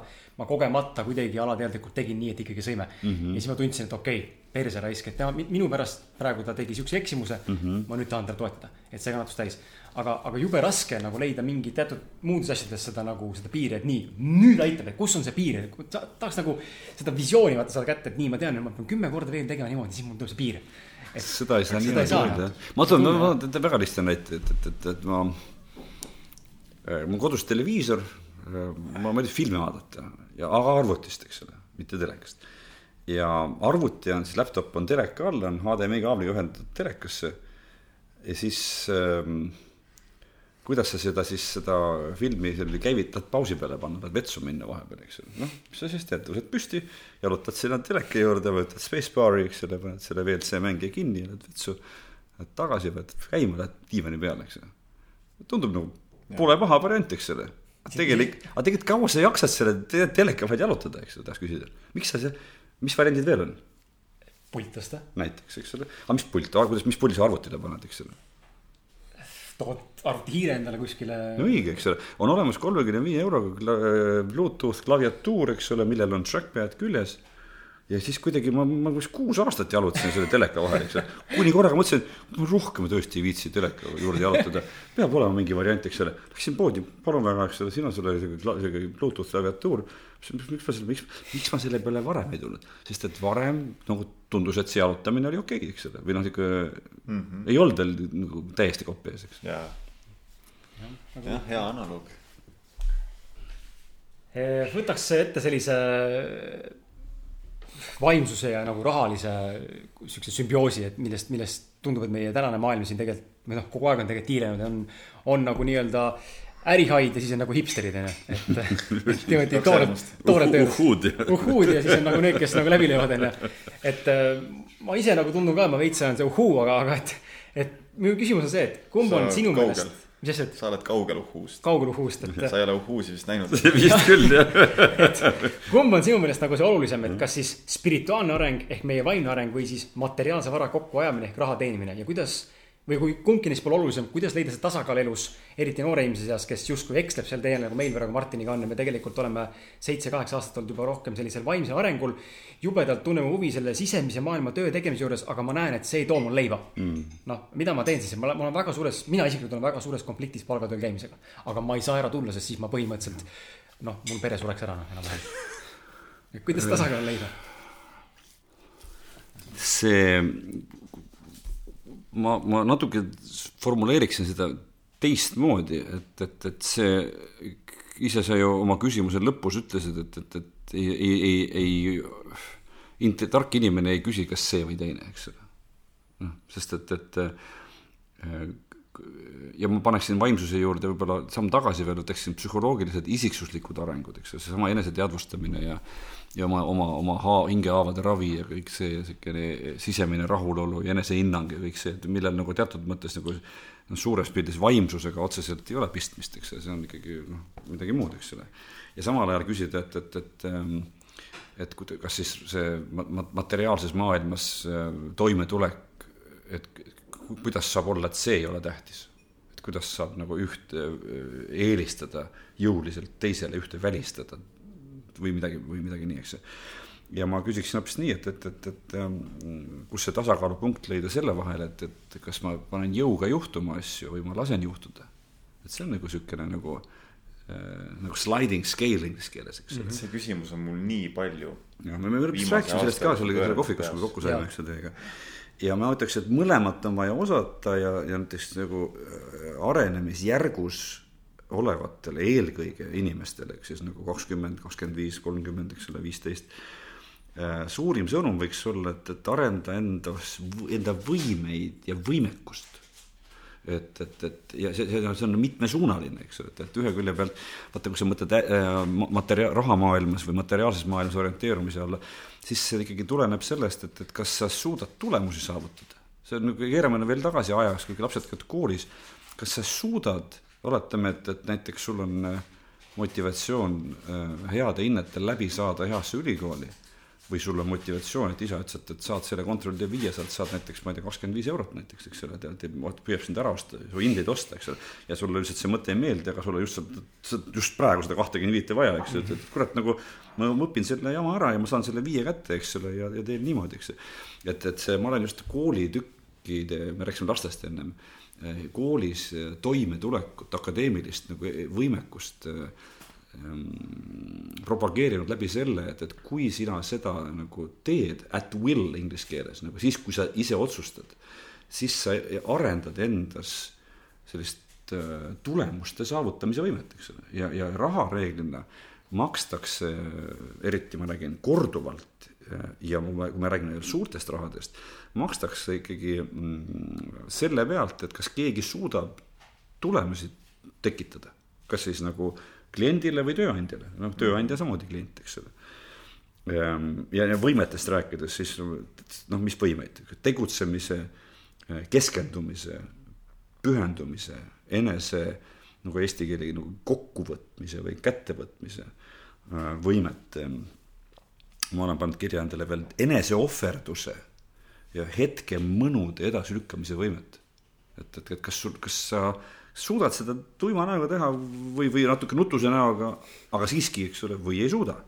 see oli hästi kuulus kunagine eksperiment oli, kui väikestele lastele pandi vahukomme pandi laua peale, öeldi, et, et, et kes kakskümmend minutit komme ei puutu, saab pärast kaks. aga muidu saad ühe, eks ole või noh, topelt saad. ja siis osad lapsed suutsid, ma ei tea, panid käed oma sahtli vahele ja, või närisid küüsi, eks ole, ja ei võtnud seda kommi ja said kaks pärast. osad lapsed võtsid ühe ja siis uuriti nende laste toimetulekut elus eri kriteeriumite järgi läbi, läbi mingi kahekümne või kolmekümne neljakümne aasta. Need, kes suutsid selle kommi söömise edasi lükata ja said kaks, need said elus nagu mitmes mõttes paremini hakkama kui need, kes ütlesid, et, et fuck it, et ma annan see komm siia, eks mulle, mulle sobib üks praegu. küll küla pärast midagi välja mõelda, selle teise kuidagi ka, eks ole. ja, ja, ja, ja siis hästi oluline ükskõik missuguses nii-öelda ametis, ma arvan, kui see pole just, ma ei tea, mikrobioloog, kes istub laboratooriumis üksinda, vaatab rakku, eks ole. aga on teistega kontakti loomise võime, eks ole, on otsustus, veel, veel võimeid, on otsustamise võimekus, analüütilise mõtlemise oskus.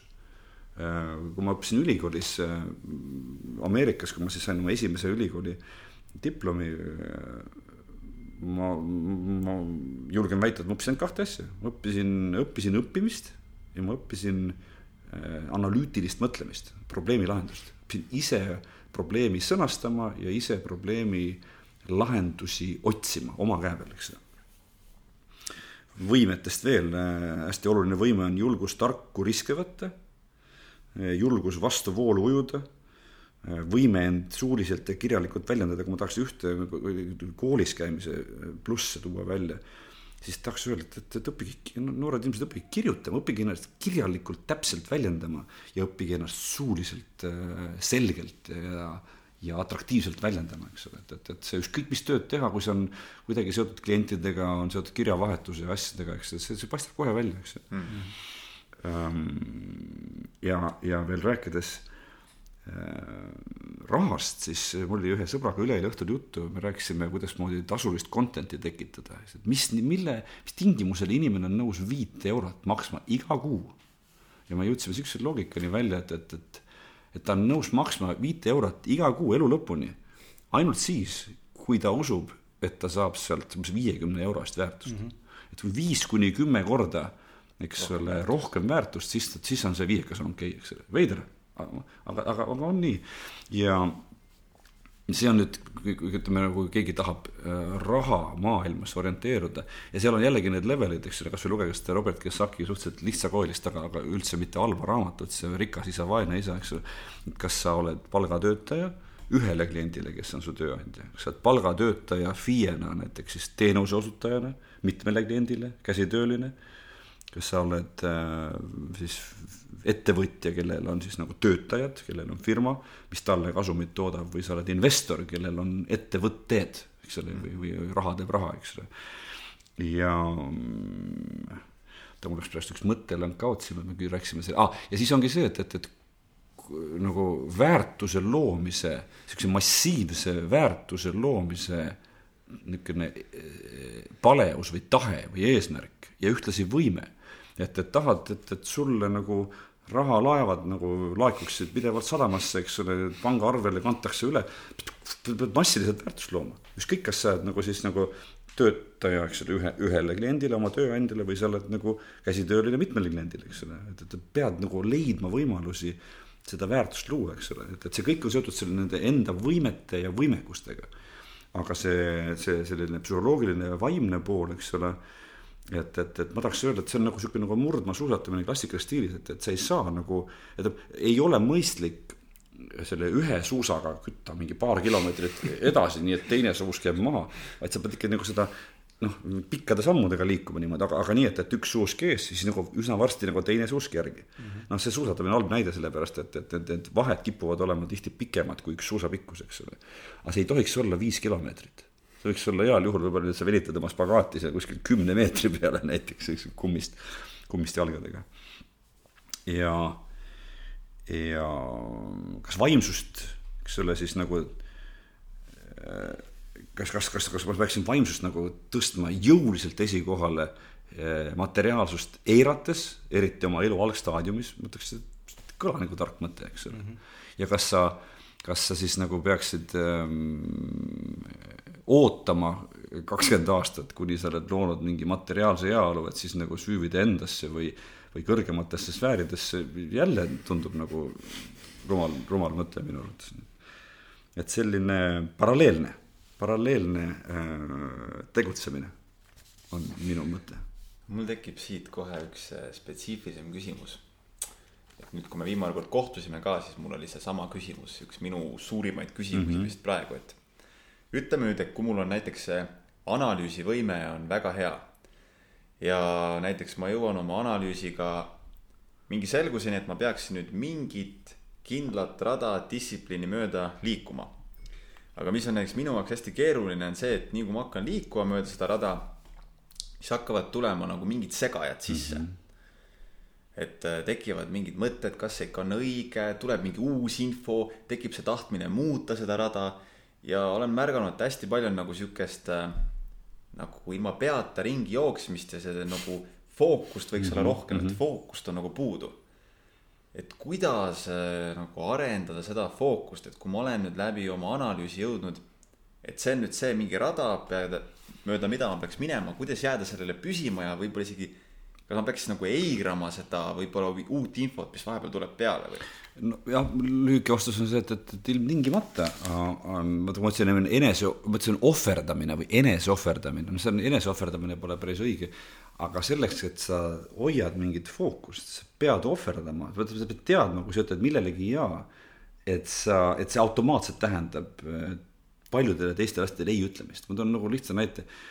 Kristiina Šmigun, tippsportlane, nüüd pürgib poliitikasse, et vaatame, kuidas tal läheb seal, eks ole, aga, aga ta, ta, ta, ta, ta rääkinud mulle, et kuidasmoodi ta, ta, kuidasmoodi tema aastad nägid välja üksteist kuud ainult sport ja siis kuskil aprill või mai, kui see hooaeg läbi sai ja suvehooaeg polnud alanud, siis oli siuke nagu vabam, vabam mm. periood, kus ta tegi vähem, natuke vähem trenni mm. ja kohtus natuke rohkem sõpradega, muidu üksteist kuud aastast aastasse ühe eesmärgi nimel. noh, ma tahaks öelda, et, et, et, et, et mulle sihuke asi ei meeldiks. Aga näitena on see väga kõnekas. ja, ja räägime võib-olla asjadest lihtsustatud kujul, eks ole, vaimne, spirituaalne, psühholoogiline vaata, kui sa midagi endale ette võtad, äh, mingi soovi või eesmärgi või mm., või tegevuse, eks ole mm., siis kõige lihtsam moodus jällegi, ma rääkisin sisedialoogist, enese äh, analüüsist, äh, enese tundma õppimisest. noh, võtaks öelda, et kui, kui, kui, kui võtaks nagu mitte päris esimese klassi tasemel, aga võtta mingi üheksanda klassi tasemel, et võtame ainult ühe asja, eks, mis, mis aitab. siis selleks on ikkagi enda käest küsimine, okei okay,, noh, oletame, et mul on seda vaja, eks ole, mis iganes see on, mis sa tahad teha mm. -hmm. ja need muud segajad tulevad nagu vahele mm. -hmm. miks mul seda vaja on või noh, veel parem oleks, et kas ja miks mul seda vaja on et äh, küsida seda miks küsimust ikkagi nii, nii palju kordi, kui need päris äh, vajadused ja päris motiivid hakkavad selguma mm. -hmm. ja mida selgem sul on see, et jah, mul on seda vaja mm -hmm. ja mul on seda vaja sellepärast, et siis on nagu ühel hetkel äh, see raskus, mis on nende segajate eemale pelletamisel, see kaob ära nagu, et, et, et, et sa, aga aga ütleme nii, et ka keskendumine, fokusseerimine nagu siukene fookuse hoidmine, see on ka oskus see on, see on võime, mida on vaja harjutada mm. -hmm.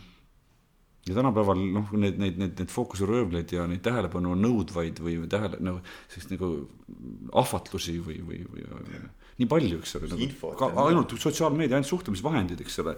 Facebook, kas või see, et, et, et, et mis, mida keegi on Facebooki postitanud, eks ole, et kui sa tahad, sa võid seal iga tund istuda seal viiskümmend minutit näiteks, kui tahad, eks ole, või, või viis minutit, eks ole. vanasti oli suitsupaus, et, et, et, et iga Nõukogude Liidus oli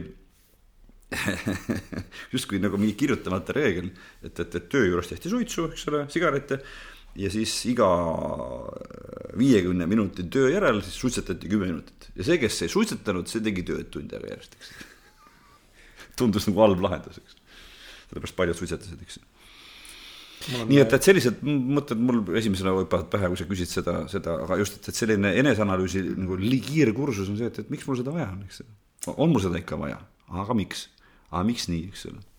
mulle tundub, et mul tegelikult tuleb siin, mul tuli väike taipamine, mis võib olla täitsa tõsi, et see võib olla see, et kui ma ei ole endas sada protsenti kindel, et ma jõuan selle eesmärgini, siis mul, siis ma hakkangi kahtlema, siis ma hakkangi võtma mingit teist infot ja nagu laskma end juhtida kõrvale, sest ma ei ole kindel, kas ma ikka suudan nüüd niimoodi fokusseeritult jõuda sinna ja, enda eesmärgi. ja ma paneks ühe asja, ühe võimaliku asja veel juurde, on see, et, et, et, et võib-olla sulle nagu enamikule inimestest ei meeldi see, kui ta eesmärki ei saavuta.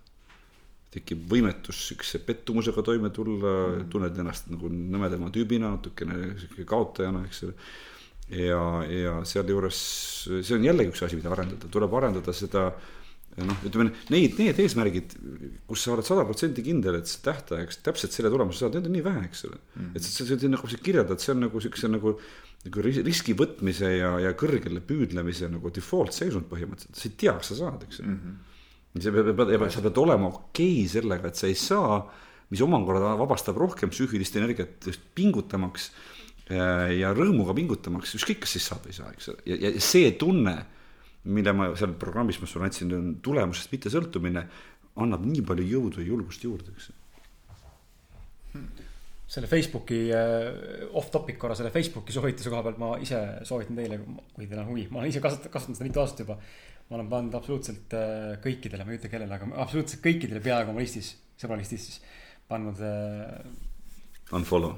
niimoodi, ma ei näeks kellegi newsfeed'i, et ma ei näe, mul ei oleks seda, ma lähen sisse yeah., ma näen midagi, mida tegelikult näha ei tahaks tol hetkel jätnud ainult selle, kelle info minu jaoks on nii-öelda nagu väärtuslik. Mm. -hmm aga, aga, aga selle, see küsimus, mis Martin küsis, tegelikult on väga halb, sellepärast et see, sest mul tekkis, mul tekkis selle sama küsimuse Peebule vastamisele tekkis mul nagu nii palju erinevaid mõtteid, et ma tunnen, et kuidagi nagu selle, ma tahaks plahvatada vaatad siis päris ära ei plahvata, pärast hakkab mitte nagu vaid just see, et, et okei okay,, me oleme leidnud raja, onju, ma liigun oma rada, onju, ma toon näite enda puhul siis mm, -hmm. no näite kirjanikuna, ma tean, et ma olen äh, mõeldud kirjutama, ma tean, et mul on suur võib-olla ka mingisugune oskus seda teha, kindlasti pean ennast kõvasti arendama ja õppima veel juurde, see on selge. aga samal ajal mulle, ma näen enda kogemuse pealt, et kui ma olen ikkagi avatud ka nendele nii-öelda, vot nüüd ongi see, mida me, mida me defineerime distraction'i all, onju. Mhm. Nendele nii-öelda kõrval olevat distraction itele, siis väga tihti elu pakub tegelikult ka mingisuguseid palju paremaid valikuid, kui me oskame sellel õigel hetkel jaa öelda mm.. see alati distraction ei pruugi olla halb asi, et juhatuse teema, vaid juhatab hoopis õige asja juurde, andes sulle märku, et kurat, sa olid kakskümmend aastat vale raja peal. nagu me enne siin Anjaga rääkisime enne saadet, et, et sa ronidki mäe tippu, on see inglise keeles tsitaat ka onju, ronid kakskümmend aastat mäe tippu ja avastad, et kurat, see oli vale mägi onju mm -hmm.. et nagu kuidas, kuidas nagu aga tabada seda siis? aga see ongi see, et näiteks see inimene, kes suudab ronida mäe tippu, temal on see sest isegi kui ta jõuab sinna vale mäe tippu, siis ta seal mõistab, et see oli nüüd vale mägi ja ta saab täie kindlusega minna, minna edasi yeah.. aga kui mul on see muster, et ma ei ole ühegi mäe tippu suutnud ronida, siis ma kunagi ei teagi, vaata. siis ongi see, et kogu aeg on nagu, võtan uue mäe, võtan uue mäe, võtan uue mäe seni, aga ma ei ole jõudnud ühegi mäe tippu veel. Mina arvan, et see on ikkagi sisemine asi, sest sinul, sina ütlesid, et äh, enne kui sa vastad su küsimusele, sina ütlesid, Peep, enne ka, et sinul oli kahekümne viie aastaselt Ameerikas teadmine, et sinust saab koolitajana. juba, eks ole, jah, jah. ja minul on olnud teadmine, minust saab kirjanik, sest ma tegin selle valiku tol hetkel vahetada mitte ülikool, vaid gümnaasium kirjutamise vastu, mis ei olnud võib-olla kõige noh, ühiskonna mõtlikus kõige mõistlikum otsus, aga minu jaoks väga õige valik tol hetkel mm., ma ei eksinud. sinul on ilmselt treener, sest et sa oled selle tee teinud ja see on see, mis kulgeb ilusti viisakalt ja sul pakub see huvi või ma eksin või? Ma ei tea, kas sa eksid, aga ma mõtlen, et ähm, et nüüd jällegi küsimus, aga loen ka oma lastele, eks ole, kes, kes ilmselt ei kuula seda pärast, eks ole. et ähm,, et mäk-, mäe tippu ronimisest tähtsam on see, et sa üldse ronid minu arvates. ja, ja, ja kui ma prooviks sõnastada, üks, ma ei mäleta, mis, mis kontekstis ma üks päev mõtlesin, et, et et millesse ma nagu siis äh, töö sellise oma äh, avaliku persona ja oma koolituste äh, ja mina isiksusena selles kontekstis, et millesse ma usun, mis usku ma olen, eks ole. ma olen varem öelnud, et ma olen nagu eneseusu usku, aga, aga see ei ole päris täpne et äh, ma olen äh, oma mentorite ja, ja eeskujude ja kogemuste kaudu õppinud äh, ma, ma arvan, ma olen nagu arengu ja täiustumise usku ühe külje pealt, teise külje pealt ma olen sellise ma ei ole, ma, ma ei ole selles mõttes tavamõistes väga korralik inimene, et, et, et mul ei ole asjad nagu nagu viimasel päeval korras, ma ei ole pedant, kuigi ma olen selle nelja aastaga muide muutunud nagu hästi palju pedantsemaks ja niimoodi nagu kodu on korras ja niimoodi panen asjad ära ja ja kuna on aega, ei ole vaja kiirustada, ei ole vaja nagu ülejala teha asju. aga, aga mu poliitika on olnud see, et, et, et need asjad, mis ma ette võtan, katsun teha ära nii hästi, kui ma vähegi suudan, eks ole, ja selleks, et seda teha, alati on mingi ajaraamistik, siis on tarvis panustada teatud tundide vältel parem, parem segamatult, eks ole. ja, ja, ja selliseid nagu madalseisusid ületada ja teha nii-öelda äh, oma tunnid täis, nagu oma treeningtunnid täis mm, -hmm. no matter what, kas saad või ei saa, eks ole mm. -hmm. nii hästi, kui saab, eks ole, ja, ja teades, et, et, et kui ma sinna mäe tippugi ei jõua, kui ma olen valinud endale kõrge eesmärgi ja selle nimel pühendunult liikunud, õppinud seda, mis vaja, arendanud endas siis nagu füüsilisi või psüühilisi või mingeid muid muskleid ja oskusi, eks ole, et, et siis ma olen igal juhul võidus, ükskõik, kas ma jõuan tippu või ei jõua, kui ma valin endale õige eesmärgi, tean, miks see vajalik on, annan endale piisavalt palju aega ja luban ka endale ebaõnnestumise korral uuesti proovida, ilma häbitunde või süütunde või siukse alaväärstundeta. et siis äh, neid eesmärke, milleni nagu noh, kui sa vähegi tark oled selle juures, ka neid eesmärke, milleni ei jõua, neid ei tohiks palju olla aga just, et see minu, minu usk on olnud ikkagi see, et võtan ette, tegutsen et saan aru, miks ma seda teen, panen pedaali põhja nii kauaks kui vaja, eks ole. märkan, mis toimub, muudan meetodit äh,, lähen edasi, rõõmustan, veidigi nagu urvastan, õpin kaotusest, lähen edasi, teen uuesti, eks ole. et, et see, et see mäe tippu jõudmine või ühe konkreetse eesmärgini, seekord selleks ajaks jõudmine, see ei ole kaugeltki mitte kõige tähtsam, see on, see on nagu vahend, mitte asi iseeneses. pigem oluline siis olulisem on pigem siis tõesti tegutseda, proovida, kui see. just nimelt ja, ja, ja enda võimeid arendada ja. jällegi ja arendada oma oskusi, enda võimeid, enda emotsionaalset võimekust, oma, oma, oma praktilisi võimeid, eks ole, oma, oma analüüsioskust, oma arusaama asjadest, eks ole et, et, et see, et, et, et, et tahaks öelda, et see punn, punnimine on ühe külje pealt nagu tore eh, ressurss või oskus, mida omada, aga teise külje pealt on ta vahend eh, arenguks. Aitäh, ma tunnen, ma sain nagu mingi vastuse enda jaoks või mingi siukse, vähendasin seda konflikti, mis mu sees on praegu, jah täiskasvanuks saamise, üks Soome psühholoog Tommy Elsten ütles kihvtilt, et täiskasvanuks saamise äh, niisugune üks oluline parameeter või näitaja on, on, on võime paradoksidega või sihuke pealtnäha teineteist välistavate või vastuoluliste situatsioonide või, või nähtustega toime tulla. kuidagi nagu handle ida neid paradokse endas, ühe külje pealt, et jaa, et eesmärk on tähtis, teise pealt, et eesmärk ei ole tähtis, mm. pingutad isegi pealt lõdvestu, eks ole, vaimsus, noh, kuidas sa need korraga need, neid, neid palle žonglöörid niimoodi, et nad õhus püsivad, eks. väga huvitav jah ma tahaks äh, raha teemal peatuda korra, sest et ilmselgelt nagu ennegi sa ütlesid ühe vastuse juures, et äh, vaimsus või et ma olen nüüd siin täis hipi ja hipster, et ilma rahata me ei saa ja, ja ilmselgelt täna veel ei saa ilma rahata mitte mm -hmm. kuidagi hakkama siin elus. tahame või mitte, onju. ja, ja loomulikult on ka see, et igaühe jaoks ei olegi see materiaalne mingisugune digitaalne number seal pangakontol oluline või ei ole suurus mm -hmm. oluline, inimesed on erinevad. mõni on rohkem minimalistlikum kui teine ja nii edasi.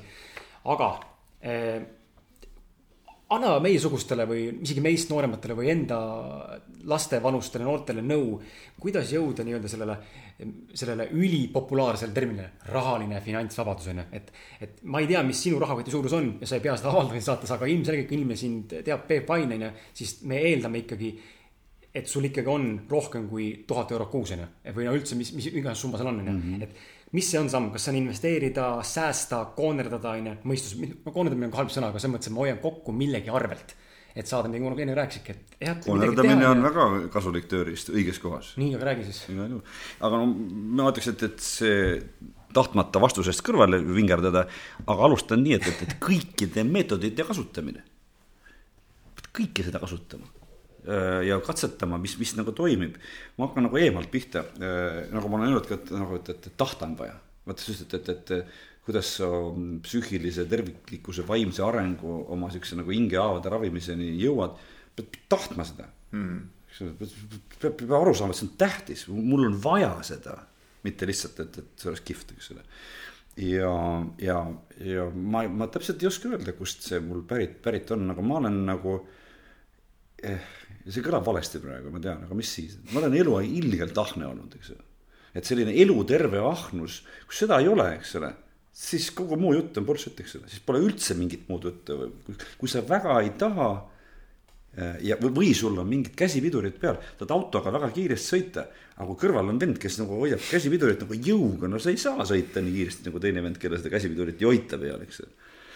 et ehm, ja sinna juurde veel sellele tahtele ja elutervele ahnusele ka ikkagi selline, selline tublidus, sihuke võimekus, see, sa saad aru, mis loob mingit tulemust, millise tulemuse eest ollakse valmis maksma.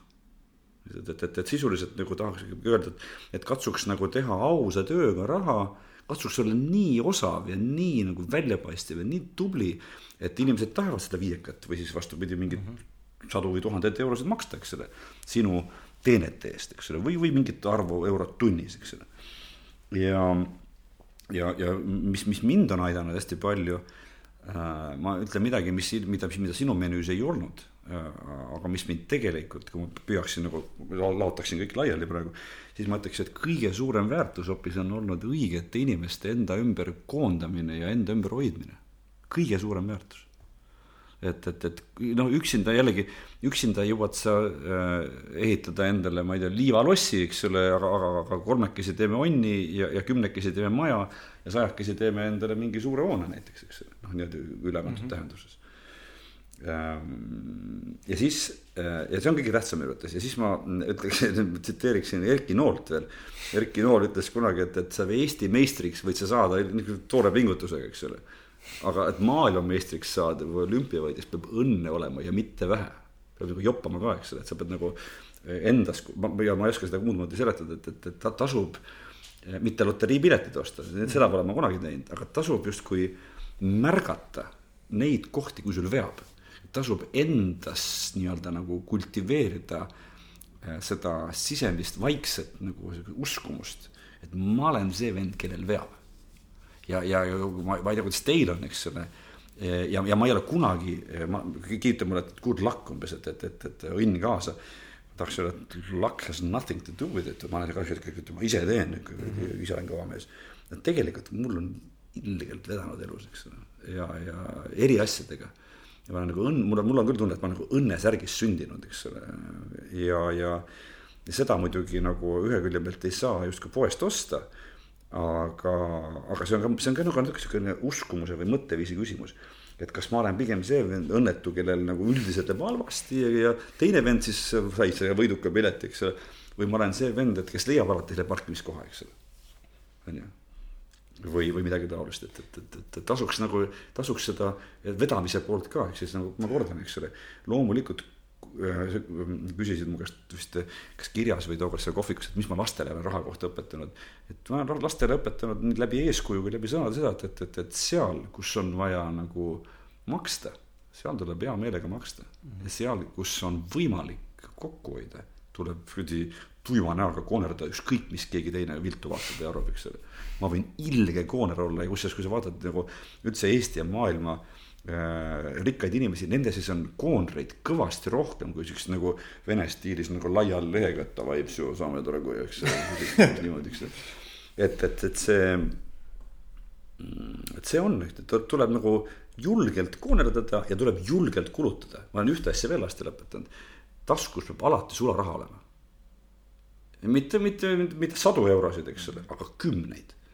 ja Brian Tracy ütles kunagi niisuguse kihvti lause, et, et, et kui ma et, et kui keegi näitaks mulle oma rahakotti, eks ole, ja see, mis ta seal sees on ja kuidas tal on see kor-, korraldatud see, et ta oskab, ma, ma muidugi ei usu seda, aga lihtsalt, ma suudan ennustada või öelda, kui palju sel tüübil pangal veel raha on, eks ole. ainult selle, kuidas ta rahakott välja näeb, eks mm -hmm seal on mingi point on sees, eks ole, et kas ja, ja üks asi veel, mis ma olen nagu äh, aastatega õppinud, sa ütlesid, et, et milline, milline või, või ise rääkis, mis, mis ma uskon, et korras võiks asjad olla ja kodu võiks korras olla, eks ole, asjad, paberid võiks korras olla, failid võiks korras olla, pangaarved võiks korras olla, arved võiks makstud olla, eks ole, rahakott võiks korras olla, see Brian Tracy jutt. ja tänapäeval, kui kõik tahavad minna nagu pangad ja riigid sunnivad inimesi põhimõtteliselt nagu sularaha vabale eh, elule läbi kaardimaksete, mis on väga-väga mugav. aga, aga paljud tänapäeva noored nagu no ma tahaks öelda, et kui sul ei ole taskus viitekümmet eurot, eks ole, siis sul on nagu vaese mehe tunne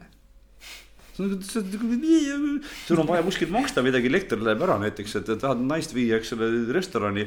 ja seal läheb korraga kaardimaksed ei võeta vastu, eks ole. siis ütled, et uh, kas ma võin nõusid tõsta või nagu ma tulen homme või midagi sellist, eks.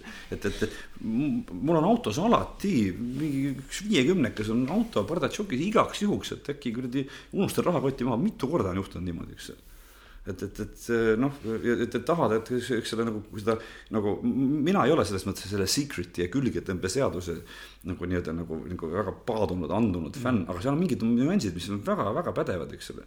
et, et, et, et nagu see seal, kus on, sinna tuleb, eks ole. hea on kinnitus saada hea on kinnitus saada kõigile. et sul on vaese mehe mentaliteet ei, ei, just seda, et nagu ma nagu intuitiivselt alati tunnen, et mulle meeldib raha koguda mulle meeldib koonerdada seal, kus saab, on ju, ja samamoodi, et samas kui millegi väärtusliku eest maksan, siis ma tahan hea tundega maksta. ja ma nagu alati olen tundnud, et see alati on see, mis hakkab looma juurde seda küllust. et ei tohi loll, põhi, põhisõnum on see, loll ei tohi olla. mitte ühegi asjaga, eriti mitte rahaga, eks ole mm -hmm. et, et, et, et loll on, keegi, keegi tõi kihvti näite, ütles, et, et, et kellel, kui inimestel on vähe raha, et siis, mis juhtub et ütleme nii, et need, kellel, ma ei mäleta täpselt neid numbreid, mis ta rääkis, aga ta tõi siukse näite, et, et kui. et näiteks oletame, et, et kui kellelgi on, kellelgi on kakskümmend tuhat näiteks ja kellelgi on kakssada. siis see, kellel on kakssada, et see kulutab see kakssada nagu ükskõiksemalt ära, sest et tal niikuinii on kakssada ja see niikuinii kuidagi kulub ära, eks ole. aga see, kellel on kakskümmend tonni ütleb, et see on kaks sotti. kurat, seda ma küll niisama laiaks ei löö, eks ole. saad seda vahest aru, eks ole.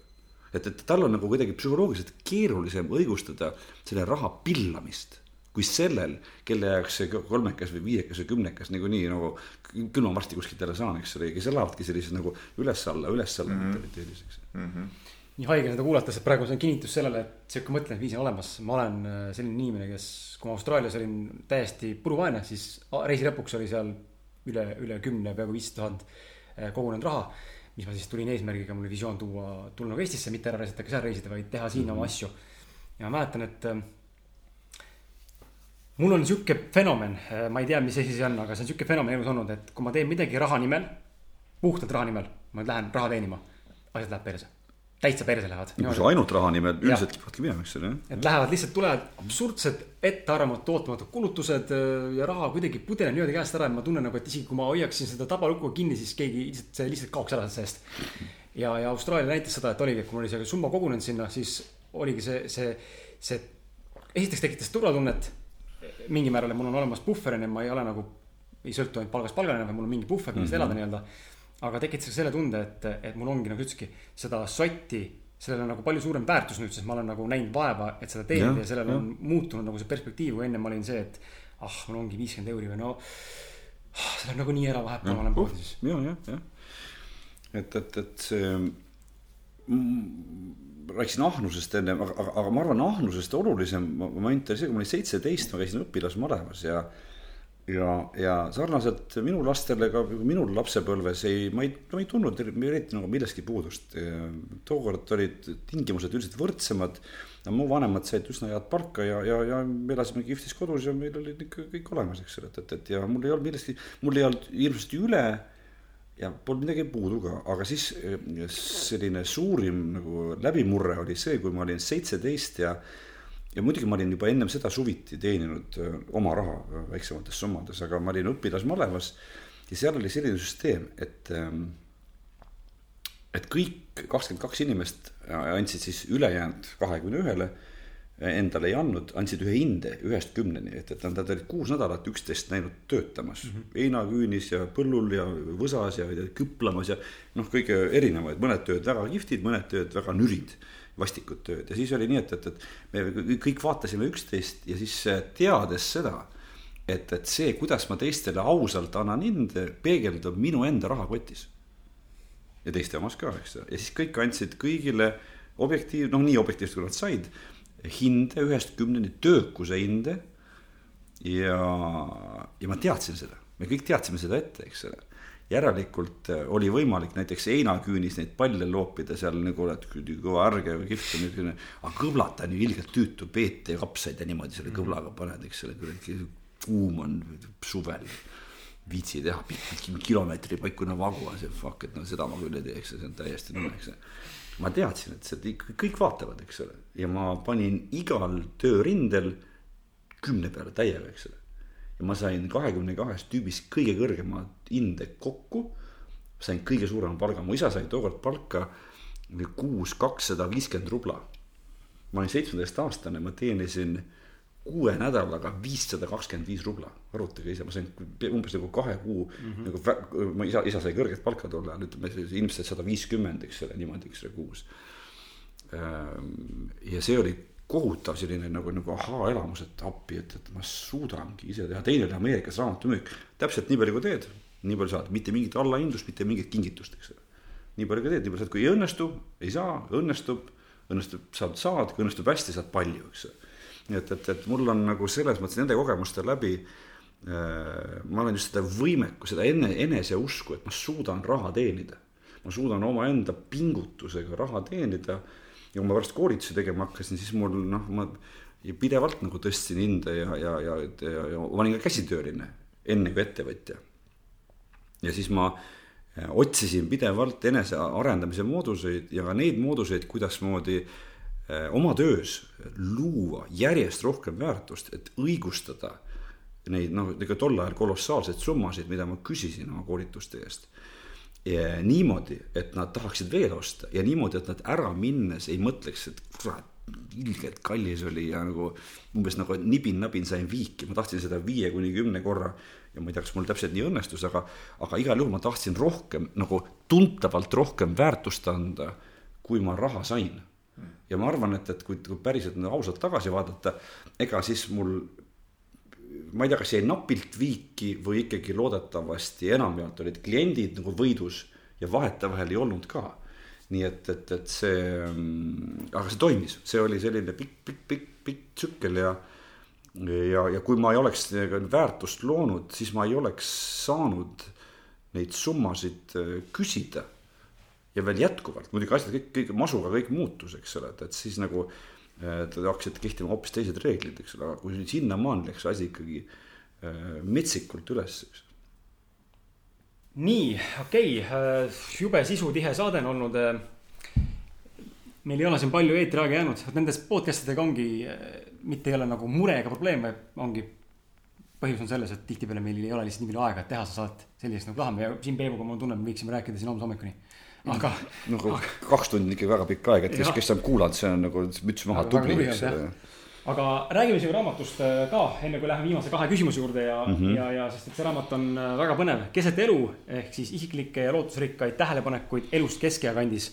et äh, kui veel ei ole inimesed seda raamatut lugenud, see ilmus sul eelmise aasta detsembril mm, -hmm. on ju et äh, mina lugesin läbi selle, ma ei ole lugenud ühtegi raamatut läbi nii kiiresti, lugesin sinu raamatu. kindlasti aspekt on selles, et äh, tegemist on eestikeelse kirjutisega ehk siis emakeeles, mul on väga palju inglise keeles.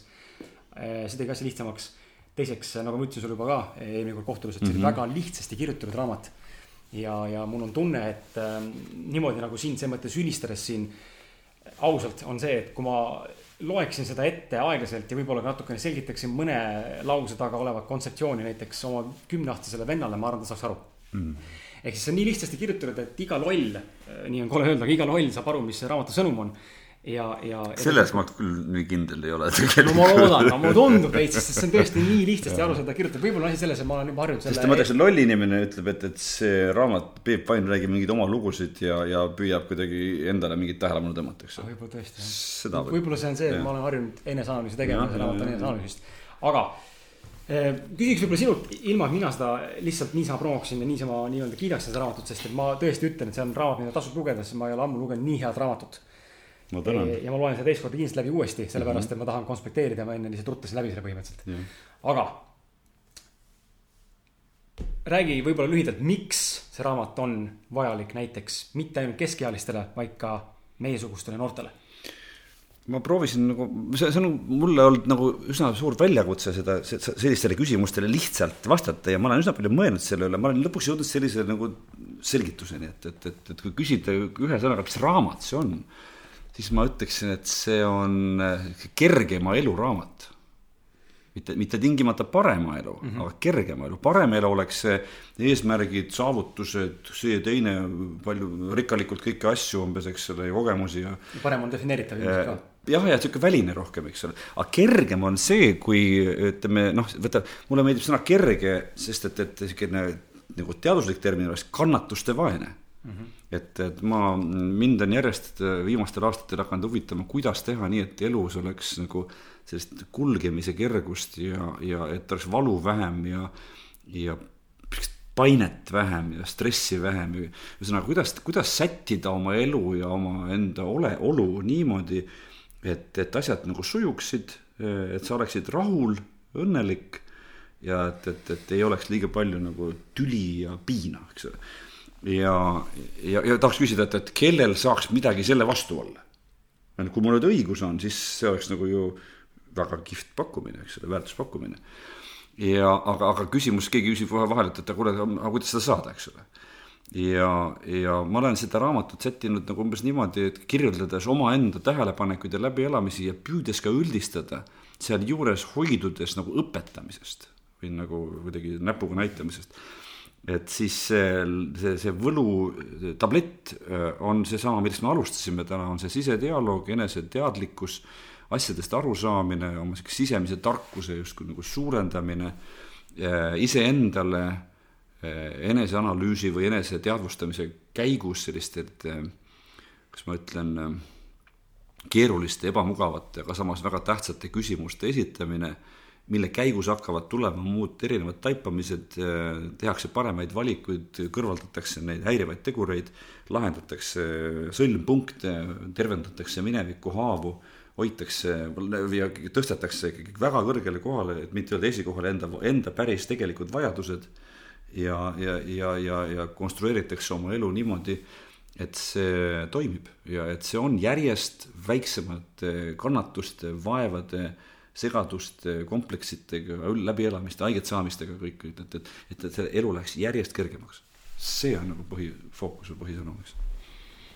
see raamatu üks suur väärtus on see, et äh, kui sa oled inimene, kes suudab selles mõttes kaasa mõelda ja, ja minna ka süvitsi eneseanalüüsi, siis see raamat paneb mõtlema ta reaalselt paneb mõtlema, nagu ta paneb ja, mõtlema jah. elu peale ja paneb mõtlema eksistentsiaalsetele küsimustele, mis mõneti ma tean enda kogemuse poole, mul suvel tabas eksistentsiaalne depressioon väidetavalt terminite järgi.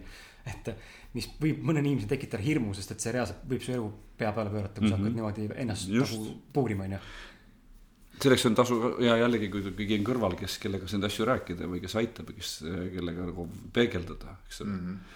aga, aga see raamatu kohta võiks veel niimoodi öelda, et mis on nagu justkui, kes on lugenud, loomulikult ma ei, mulle ei, ei, ei ole tuldud ütlema, et, et see oli nõme või mulle see ei meeldinud, eks mm, -hmm. et, et, et vabalt võib olla, et, et see ju kellelegi ei meeldinud, tunduski kellelegi nõme, eks. aga ma olen ikka kuulnud neid, neid hästi ütlemisi nagu, nagu ka loogiline on, eks ole. ja, ja mida öeldakse justkui nagu ühest suust ja muide sina, ma panin kirja, mis sa ütlesid meie kohtumisel, said minu arvates äh, selle asja nagu mõttest väga hästi aru aga on öeldud niimoodi, et, et lisaks sellele, et ta lihtne on, see on ju ainult üks tunnus, eks, et, et ta on selline kõige levinum lause, mis öeldakse, et see tekitab palju äratundmisrõõmu. mis, mis mulle nagu ütleb seda, et, et ma olen suutnud mingeid universaalseid asju kuidagi täpselt ära kirjeldada. ja siis kriitik minus võiks öelda, et aga mis kasu sellest, sellest rõõmust on, eks ole mm. -hmm. ja sina vastasid sellele niimoodi, et, et see rõõm on sellepärast kasulik, et, et, et ma keeruliste asjadega kokku põrgates või, või nendele otsa vaadates mõistan, et ma ei ole üksi. ja, ja, ja, ja siin tuleb see mingisugune see vaimse ühtsuse printsiip mängu. et loomulikult on tore, et, et see midagi liidab meid, ühendab meid, üksinda ma tunnen ennast siukse saamatu ja abituna. aga koos ma olen nagu tugevam ja peale selle see näitab, et ma ei ole ma ei ole kaamel omaenda probleemidega, et kellelgi teisel on veel samasuguseid nagu läbielamisi, küsimusi Äh, kaotusi ja võite olnud, nii et, et, et ühesõnaga kannatuste, see raamat, ma loodan ka võib-olla näitab seda kätte, et kannatuste olemasolu on elu paratamatu koostisosa, sama parat-, sama nagu nii-öelda garanteeritud kui ka see, et on võimalik neid kannatusi vähendada mm, -hmm. kui oled tark. pluss see raamat annab, annab, annab lootust. jah et võib paremaks minna. eriti kui halb on, eks ole. jah, täpselt. enne kui Martin läheb uue küsimuse juurde, eh, jah või, jah või ei vastus mm. -hmm. kas eh, jah. tuleb keset elu koolitus koolitus ei tule, aga ma olen mõelnud selliseid äh, äh, jutu ja muusika sümbioose, selliseid lühi, nagu salongiõhtuid võiks selle kohta öelda võib-olla või kus sellel teemal võiks nagu rääkida ja, ja päris pikka koolitust ma vist ei taha teha, aga aga nendel teemadel äh, vestelda ja, ja, ja just nimelt vestelda, mitte inimestele peale rääkida, loengut pidada. nagu me praegu siin teeme. ja, ja selliseid äh, võib-olla siis nagu paarisajases seltskonnas või, või, või, või paarikümneses, eks ole mm. -hmm. või kolmekesi, neid, neid loomulikult jah. väga lahe. Martin, teine küsimus. jah, nii. neliteist minti on aega, läheb mm. -hmm. et äh, sinult on hea seda küsimust küsida, sest et võib öelda, et sa oled ju päris palju eesmärke elus saavutanud ja miks on siis nii, et kui me viimaks saavutame selle, millest oleme kaua unistanud, siis meid valdab tegelikult tihtipeale tühjuse tunne? ma ei ole kindel, et ma tean vastust sellele küsimusele, aga ma oletan, et see juhtub siis. aga sina ei ole kogenud? olen muidugi olen kogenud, et, et, et, et see juhtub siis, kui sa sellele ühele saavutusele paned nagu mõttetult kõrge väärtuse või kui sa ainult ühte asja jahid, eks ole mm. -hmm. ja teine põhjus, mis seda, mis või eeldus, mis sellest olukorda tekitab, on see, kui kui sul ei ole järgmist visiooni või uut sihti kuskil äh, ootamas et, et kui sul noh, no kõige tüüpilisem näide, näiteks mul isiklikult, mis oli, oli või paljudel on sama asi, kas kooli või ülikooli lõpus et sa oled nagu väga oodanud ja see on mingi õudne värk ja nagu siis nagu ootad mingit siukest orgastilist nagu rõõmuelamust, kaifi, korraks nagu saadki selle. ja järgmine päev on ikka tunne, et aga mis nüüd saab, eks. et ikkagi noh, ma pean hakkama nüüd oma elu ehitama ja kuidagi tööd otsima ja mul õnneks ülikooli lõpus oli see raamat on mingi üks suvi oli veel ees, aga noh, pärast seda, eks nii et, et see, see vastumürk võikski olla, et sul on nagu mitu see, seda märklauda mm. -hmm. ja sul on ka kaugem visioon, nii et, et, et sa, sa tead, kuhu sa teel oled et siis see tühjuse tunne, tühjus on igal juhul, kui sa teed suure asja oled ära teinud, sa oled nii palju pingutanud et, et, et ma tahaks öelda, et, et kui sa seda tunnet tunned, ära, ära nagu endale sellest molli anna, et, et ära, ära, ära nagu pahanda enda sellest, see on nagu loomulik. selle tunde tundmine on ääretult loomulik. kui sa tead seda, siis sul jällegi on lootust, et see läheb ära, eks ju mm -hmm., ongi kõik.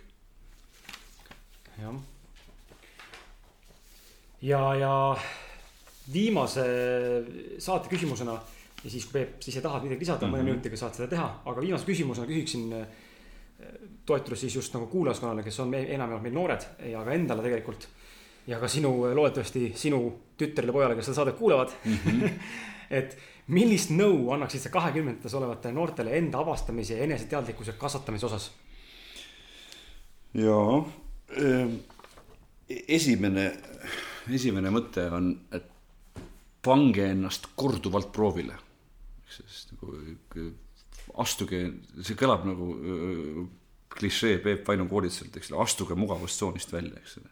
pange ennast proovile, needsamad välismaal käimised, kõrged eesmärgid äh,, just nagu, just nagu oludes, olude kiuste hakkama saamised, eks ole. ja proovile panek tekib just siis, kui sa esiteks lähed võõrasse keskkonda, võõrat, uute asjadega tegelema ja teiseks püüad midagi, mida sa varem teinud ei ole, eks ole Äh, teiseks hästi selline õpi, õpiimu. Äh, ma arvan, et minu, äh, ma usun, et ma olen elus saanud hästi ja väga hästi hakkama ja, ja ma arvan, üks põhjus on selles olnud see, et, et ma olen hästi õpialdis, õpiimuline. ma olen väga iseteadlik, umbes nagu sa, Martin, kirjutasid enda kohta ja samas, kui ma kohtan kedagi, kes on must targem ja kes soovib mulle head ja ta ütleb, et tee nii ma ei hakka küsima, et aga, aga kas naa ei võiks teha näiteks.